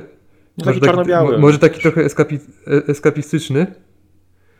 Yy, yy, za to, jak tutaj wchodzi nam scenariusz w tej karciance, że na przykład jakaś burda w karczmie i potem jakiś, jakiś zbiry coś tam nas okradają, coś, no to, to, takie, to jest takie zbyt przyziemne trochę. Yy, no ale no tak by wyglądało życie w tym świecie, nie? No, to, to, to jest... Y, to nie, nie jest to zarzut y, jakiś taki sensowny. E, ale generalnie właśnie temat mi się podoba, y, bo to, to nie są tylko rzeczy znane z trylogii, ale też mhm. tam są Zbo różne postaci. Wzbogacają to, to, to, ten świat. opowieści mhm. i, i mamy i tak dalej. I, a druga rzecz, która mi się, znaczy no, rzecz, która mi się najbardziej podoba, to jest możliwość y, składania talii. Czy to mi, ta gra mi zapewnia po prostu yy, jakąś taką potrzebę układania sobie talii. Bo mogę sobie samemu po prostu wsiąść, po, poukładać, nie potrzebuję przeciwnika. Yy, I. Czyli no rozumiem, i... że jak nie masz przeciwnika pod ręką, no to ratujesz się po prostu y, tym. Tak, no właśnie to jest jej główny plus, że mogę sobie samemu zbudować jakąś talię. A do tego detale są bardzo plastyczne. No właśnie zwracamy do tego tematu, y, że taki, taki, taki moment y, olśnienia miałem jak zauważyłem, że w sumie buduję talię na Gondorze. No fajnie brzmi nawet, nie? Że, mhm. Y, no bo akurat taki dodatek miałem. Opierasz się o Gondorczyków po prostu. Tak. Bohaterów i tak dalej, jednostki. I, tak, i jakieś mhm. synergie też, że na przykład, że ktoś tam wzmacnia wszystkich bohaterów, którzy mają typ Gondor, czy coś mhm. w tym rodzaju. I dałeś radę potem... przechodzić e, scenariusze właśnie Gondorczykami po prostu? Mm, raczej tak. Mhm. E, jest jeden, na którym się zaciąłem. I do tego stopnia, że już właśnie porzuciłem tam, tamtą talię i, i, teraz, i teraz gram... E, Rohirria mami. Nie, on, oni czekają. Bo kupiłem sobie tych fanowskich Rohirimów. Tam jest, jest kilka dodatków fanowskich, takich na wysokim poziomie zrobionych. Mhm. I oni są właśnie głównie, głównie o Rohanie. Mhm. I one chyba naprawiają Rohan, bo Rohan oryginalny był raczej y, ciężki do grania, bo mechanika tych kart starała się symulować mechanikę szarży. Okay. A problem z szarżą jest taki, że to jest punktowe, to po prostu raz jest i tyle. Mhm. Więc mamy kartę, która jest mocna przy jakimś jednym ataku, a potem albo jest z gry, albo po prostu już się, już się pogarsza. Yy, no bo to, to, właśnie ten, ta szarża już miała miejsce, no i od teraz już, już jest zwykły chłopek słaby. E, dlatego tak e, gameplayowo e, ta, ta mechanika no, raczej, raczej jest na, na duszę to jest słabsze, bo to po prostu nam raz zrobi robotę, ale to, tutaj to, to nie są rozgrywki, gdzie po prostu wystarczy nam raz się przebić i wygrywamy. To no bo to nie, jest, to, to, nie jest jednak Challengers, tak? Że stworzysz kartę, a później już samograj, to, to jakoś leci, nie? Nie, nie tutaj to jest właśnie są, te, te scenariusze są podzielone na kilka etapów, zazwyczaj na trzy. To coś takiego trochę jak w Legendary e, serii. Aliens pamiętam też właśnie miał, tak jakby trzy, musiałeś przejść pierwszy etap, żeby dojść do kolejnego, pokonać to bossa. Jest, to tu jest tak samo. Mhm. No jak użyjemy sobie takiego jeźdźca w pierwszym, to o ile nie mam jakiegoś efektu, co nam go przywróci z grobu, no to, to już mamy sposobowego chłopka. A z kolei jak mamy y, y, jakiś taki postaci, które nie mają tego efektu szarży, ale mają po prostu efekt, że się wzmacniają nawzajem, im więcej ich jest na stole, no to, to nam tylko, tylko rośniemy w siłę. Rozumiem. Dlatego, dlatego mniej więcej Rohan był raczej y, słabszym archetypem. Z, z tego, z tego co poczytałem. No i mamy odpowiedź, gdzie był Rohan, kiedy Gondor płonął. No. trochę, trochę się, trochę się Wracał z szarży. trochę się tam y, dokształciłem. No i te, a teraz na to gram y, po prostu pierwszy scenariusz sagi saga to są dodatki, które, w których mamy to, co było przedstawione, przedstawione w trylogii Władzy Pierścieni. Czyli na sam hmm. początek hobici idą przez las i gonią ich y, czarnieźdźcy. Mhm. A jeszcze wtedy czarnieźdźcy. No. I, i, i, i, mam, I mam talię na hobbitach. To jest klimat, tematycznie to jest fajne, bo to są, oni są słabi, ale generalnie jak atakują mocniejszego, to, to mają dopałki. Mhm. Więc takie, takie chojraki. Pasuje to ty, ty, tematycznie. No tutaj podejrzewam, że jest tak jak w Arkham, że mm, przechodzisz powiedzmy nawet raz ten scenariusz, ale później wracasz do niego innymi postaciami i jest już zupełnie inna też e, gra. No, fabularnie wiesz, co się wydarzy, nie? Znika ten, ten, ten, ten pierwszy mhm. efekt niespodzianki, ale mimo wszystko ta rozgrywka różnymi postaciami e, była tam w Arkham e, bardzo różna. Różnymi różna. różna tak, no, no Arkham, Arkham to jest w pewien sposób reimplementacja Władcy Pierścieni. Mhm. To jest... Rdzeń mechaniczny jest w dużej mierze ten sam. Mhm. Ja nie grałem w Arkham, ale, ale, ale kojarzę. Mhm. I Xenil w to trochę grał. E, choć jego przytłoczyła konieczność kupowania kolejnych dodatków. I to w e... szybkim tempie, bo one znikają strasznie później ceny horrendalne osiągają. Tak, on, on to raz przeszedł, e, wszystkimi postaciami, potem to sprzedał, potem to kupił na nowo, znów zaczął przechodzić, ale jak zobaczył ile dodatków w międzyczasie się pojawiło, to no. odpuścił. Hmm. Ale i on trochę popada, jak to wygląda tam fabularnie, to Arkham jest znacznie bardziej fabularny. No tam jest ten motyw szaleństwa, że ty przechodzisz e, też tą, tą pierwszą powiedzmy część z jakimś tam poziomem sukcesów lub porażek, nie? Tam są jakieś efekty, co, co po prostu, że pierwszy scenariusz wpływa na drugi. Mhm, tak. E, jakiś, jakiś on coś, coś mówi, coś wydaje, że tam jakaś taka waluta się pojawia, między, że można sobie jakieś specjalne karty dokupić, tam wzmocnić. E, I więc pod tym względem, e, jeśli, jeśli komuś zależy na jakichś takich historiach, to warkami będą bardziej rozbudowane Tylko trzeba no, wziąć pod uwagę też, że one po pierwszym razie znikają, nie? Później już, zostaje sama ta gra, która jest bardzo, bardzo dobra też mechanicznie. We Władcy Pierścieni są też takie, e, takie szczątkowe jakieś tam właśnie zasady kampanii. Właśnie choćby w tej sadze. Mhm. Że mamy, mamy możliwość grania albo scenariuszów po kolei, czy tam, czy tam w dowolnej kolejności, albo właśnie grać kampanię wtedy trzeba od pierwszego. E, no i może być coś, co będzie jakiś efekt, coś tam zrobimy, co będzie miało wpływ na kolejną rozgrywkę. Ale to jest chyba na, na mniejszą skalę mhm. niż w Arkamie. Za to jeśli, jeśli, jeśli dobrze kojarzę, to yy, we Waspierścieni jest yy, trochę większa swoboda w budowaniu talii. Więc co kto woli. Mm, no i właśnie ja w to głównie gram dla tego budowania talii, dla tam do, do, dostosowywania jej, bo samą rozgrywkę uważam, uważam za poprawną. Ale nie jakąś szałową. Mhm. Mm, na pewno mi przeszkadza to, jak wielka może być sinusoida y, tego, tego jaka będzie trudność partii, w zależności od tego, co, co dociągniesz. No. Co dojdzie przeciwnikowi. No, ja pamiętam w Legendary Alien też y, tak samo właśnie. Czekanie na tą kartę, która dojdzie, bo stoję naprzeciwko tej złośliwej matki obcych, a czekam tylko, żeby skombować. No. A w sumie nie wiem, czy to Legendary też nie bazuje na tej samej mechanice. Tak teraz sobie uświadomiłem, że to może też być... Yy, Rodzaj mechaniczny może być ten sam, co wywód Czy tam e, takim, taką wyraźnie, wyróżniającym elementem, chyba że to jest też władcy, jest to, że w trakcie mm, tury innego gracza możesz go wspomóc swoimi kartami, jeśli wasze karty się zazębią tymi swoimi e, tymi e, frakcyjnymi symbolami, nie? I wtedy do, dodajesz, powiedzmy, dobra, to ja cię wspomagam tą kartą. To, to jest taki efekt charakterystyczny dla, dla, dla tej serii.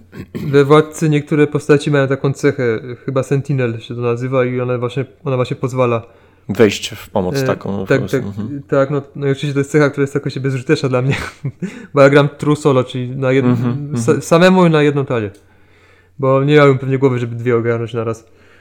E, Ale właśnie, bo to jest ta, taka mechanika, na podam, podam przykład, że bardzo często jest tak, że w talii jest pojedyncza, w talii przeciwnika jest pojedyncza karta taka bardzo trudna.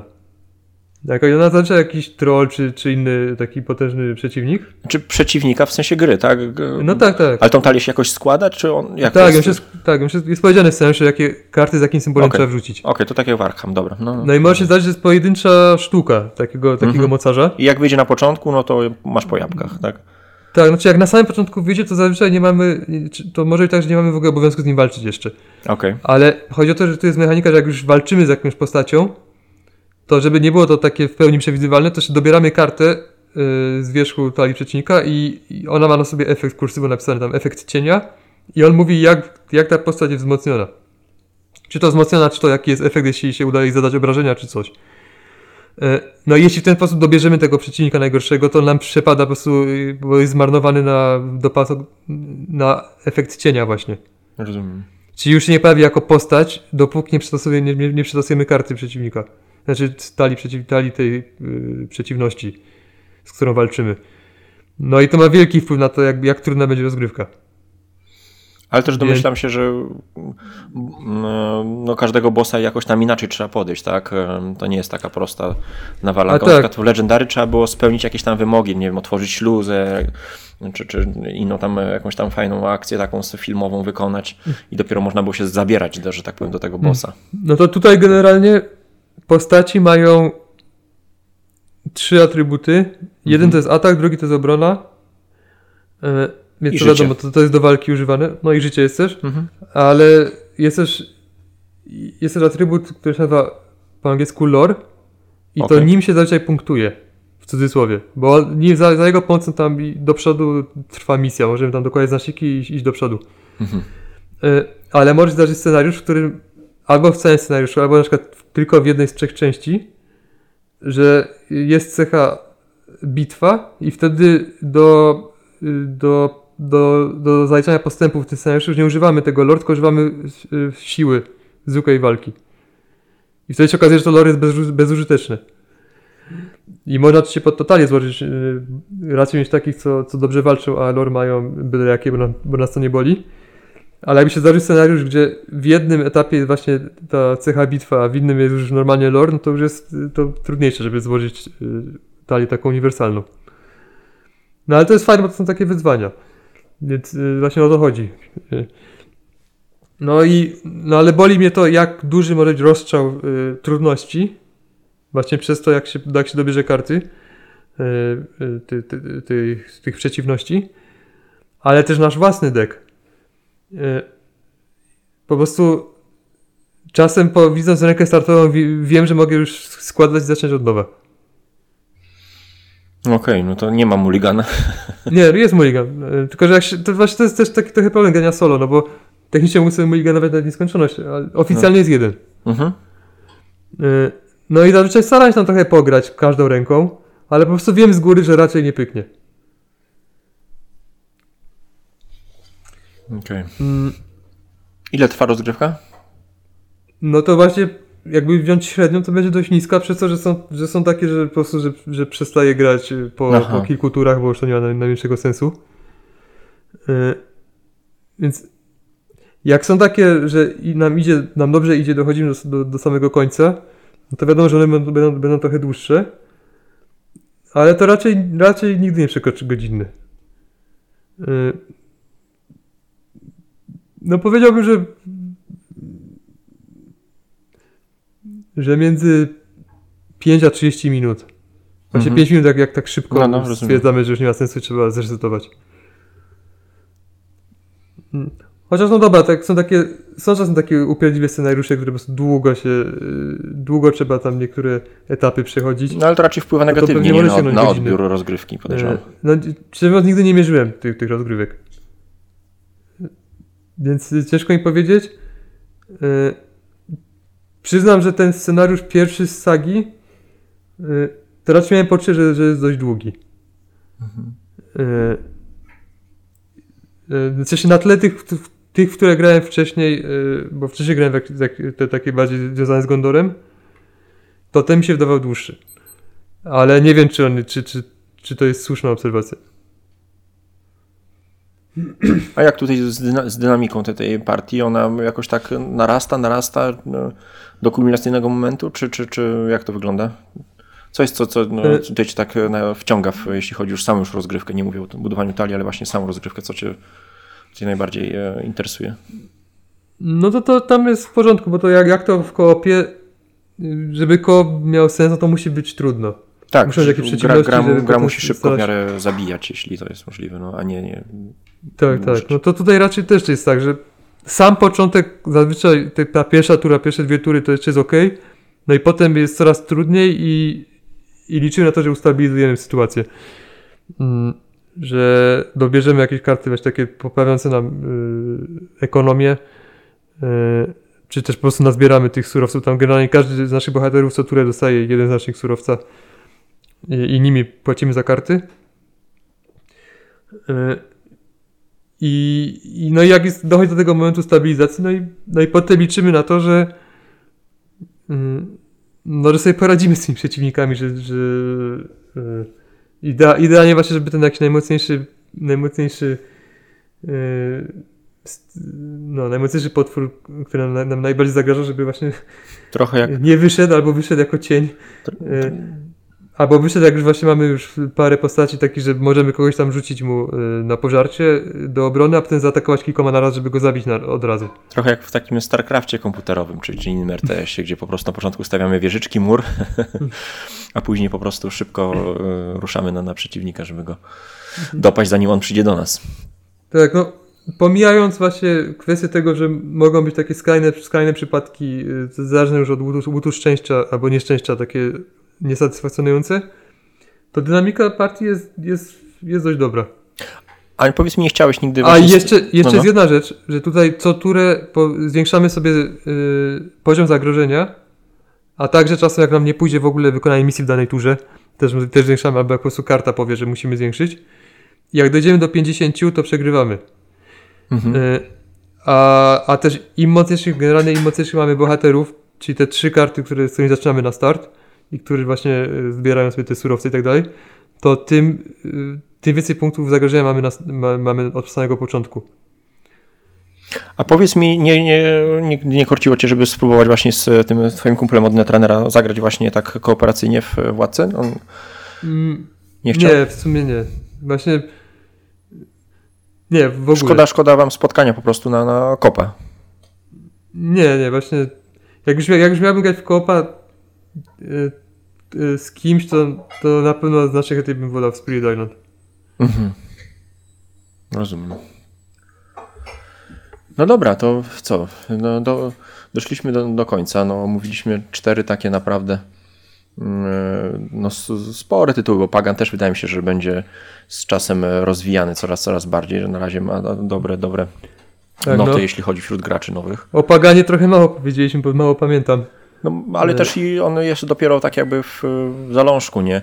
No ciekaw jestem właśnie, czy to jest e, no, nowy styl wchodzenia, czy, czy być może on się na tyle rozwinie z czasem, że stanie się dużo głębszy, dużo, mm, dużo poważniejszy niż, niż jest teraz. e, I być może jest to dobry sposób na, na wciąganie nowych graczy, nie? Stawiać w miarę niski próg wejścia na początek, nie? I, I z czasem, zresztą chyba tak ten model głównie wygląda, tylko problem jest teraz taki, że taki netrunner już ma ileś tam dodatków i no jest z drugiej strony ten, ten em, cały czas zestaw startowy, nie? Więc jest sposób na wejście w miarę, w miarę przyjazny, bo zazwyczaj jest tak, że te pierwsze korsety są, są w miarę takie no, łatwe, a, a, a cała trudność pojawia się z dodatkami, nie? No, ja generalnie nie wierzę w żadne karciaki, które mają ambicje chociaż to jest też samo spełniająca się przepowiednia, które mają ambicje zdetronizować Magica jako grę turniejową. Moim zdaniem to jest po prostu niemożliwe fizycznie, bo to jest już siła rozpędu. Mhm. I, i to kulturowo i tak dalej, to niesamowite, no teraz jest jakaś ta karcianka Disneyowa, Mm, Tak, Lorkana. no to, no to w sumie kulturowo to oni też mają jakiś, jakiś tam do, duży kapitał już na start, to, Mhm.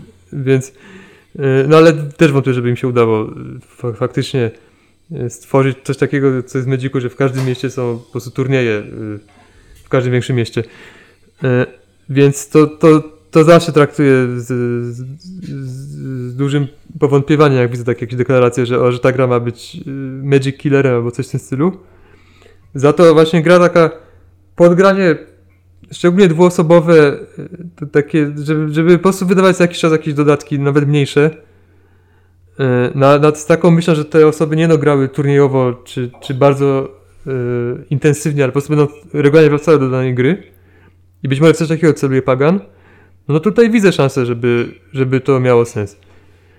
Myślę, że, że no, no Boże, nie jestem też e, wydawcą, ale, mm, ale coraz częściej próbuje się właśnie e, ściągnąć tych klientów nie, e, nie turniejowych. Keyforge miał taki, przynajmniej tak był marketingowo przedstawiany, jako taka prosta karcianka, którą łatwo wejść, pograsz w domu, nie musisz się ruszać Tak. na turnieje, nie musisz zbierać, no ale okazywało się, że tak naprawdę, żeby w ten system wejść, to wcale nie jest taki prosty, y, łatwy, tylko żeby dostrzec te, te, te, te, synergie między tymi kartami, no to, to tak naprawdę trzeba być już też e, zaawansowanym graczem, tak jak w inne karcianki.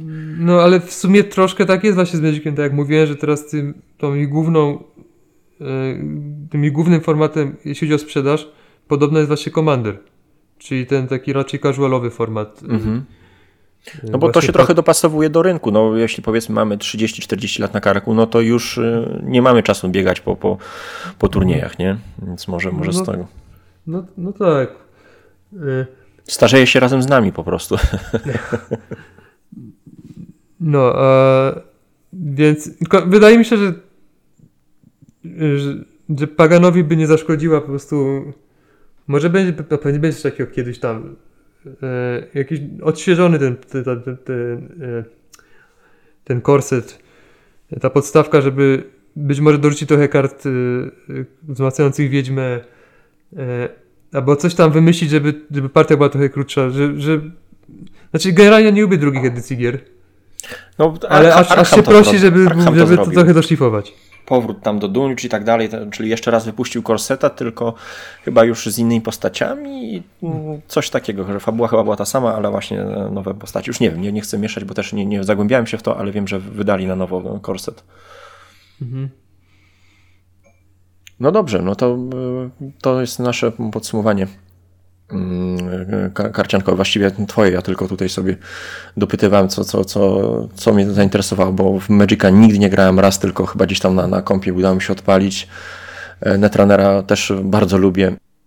A no, w- w- Władcę unikałem ze względu na ten kooperacyjny aspekt, e, bo, bo ze względu na małą ilość czasu to jednak kompetywnie wolimy zagrać z Piotrkiem. Także dziękujemy serdecznie za, za wysłuchanie kolejnego odcinka, no i zapraszamy dalej. Myślę, że, że e, jeszcze, jeszcze coś tam uda się wygrzebać z e, twojej przepasnej listy. Było grane. Tak, no to dzięki za uwagę. Dzięki serdecznie, że nas odwiedziłeś i e, pozdrawiamy serdecznie Irek. I Galatolol. Hej, hej.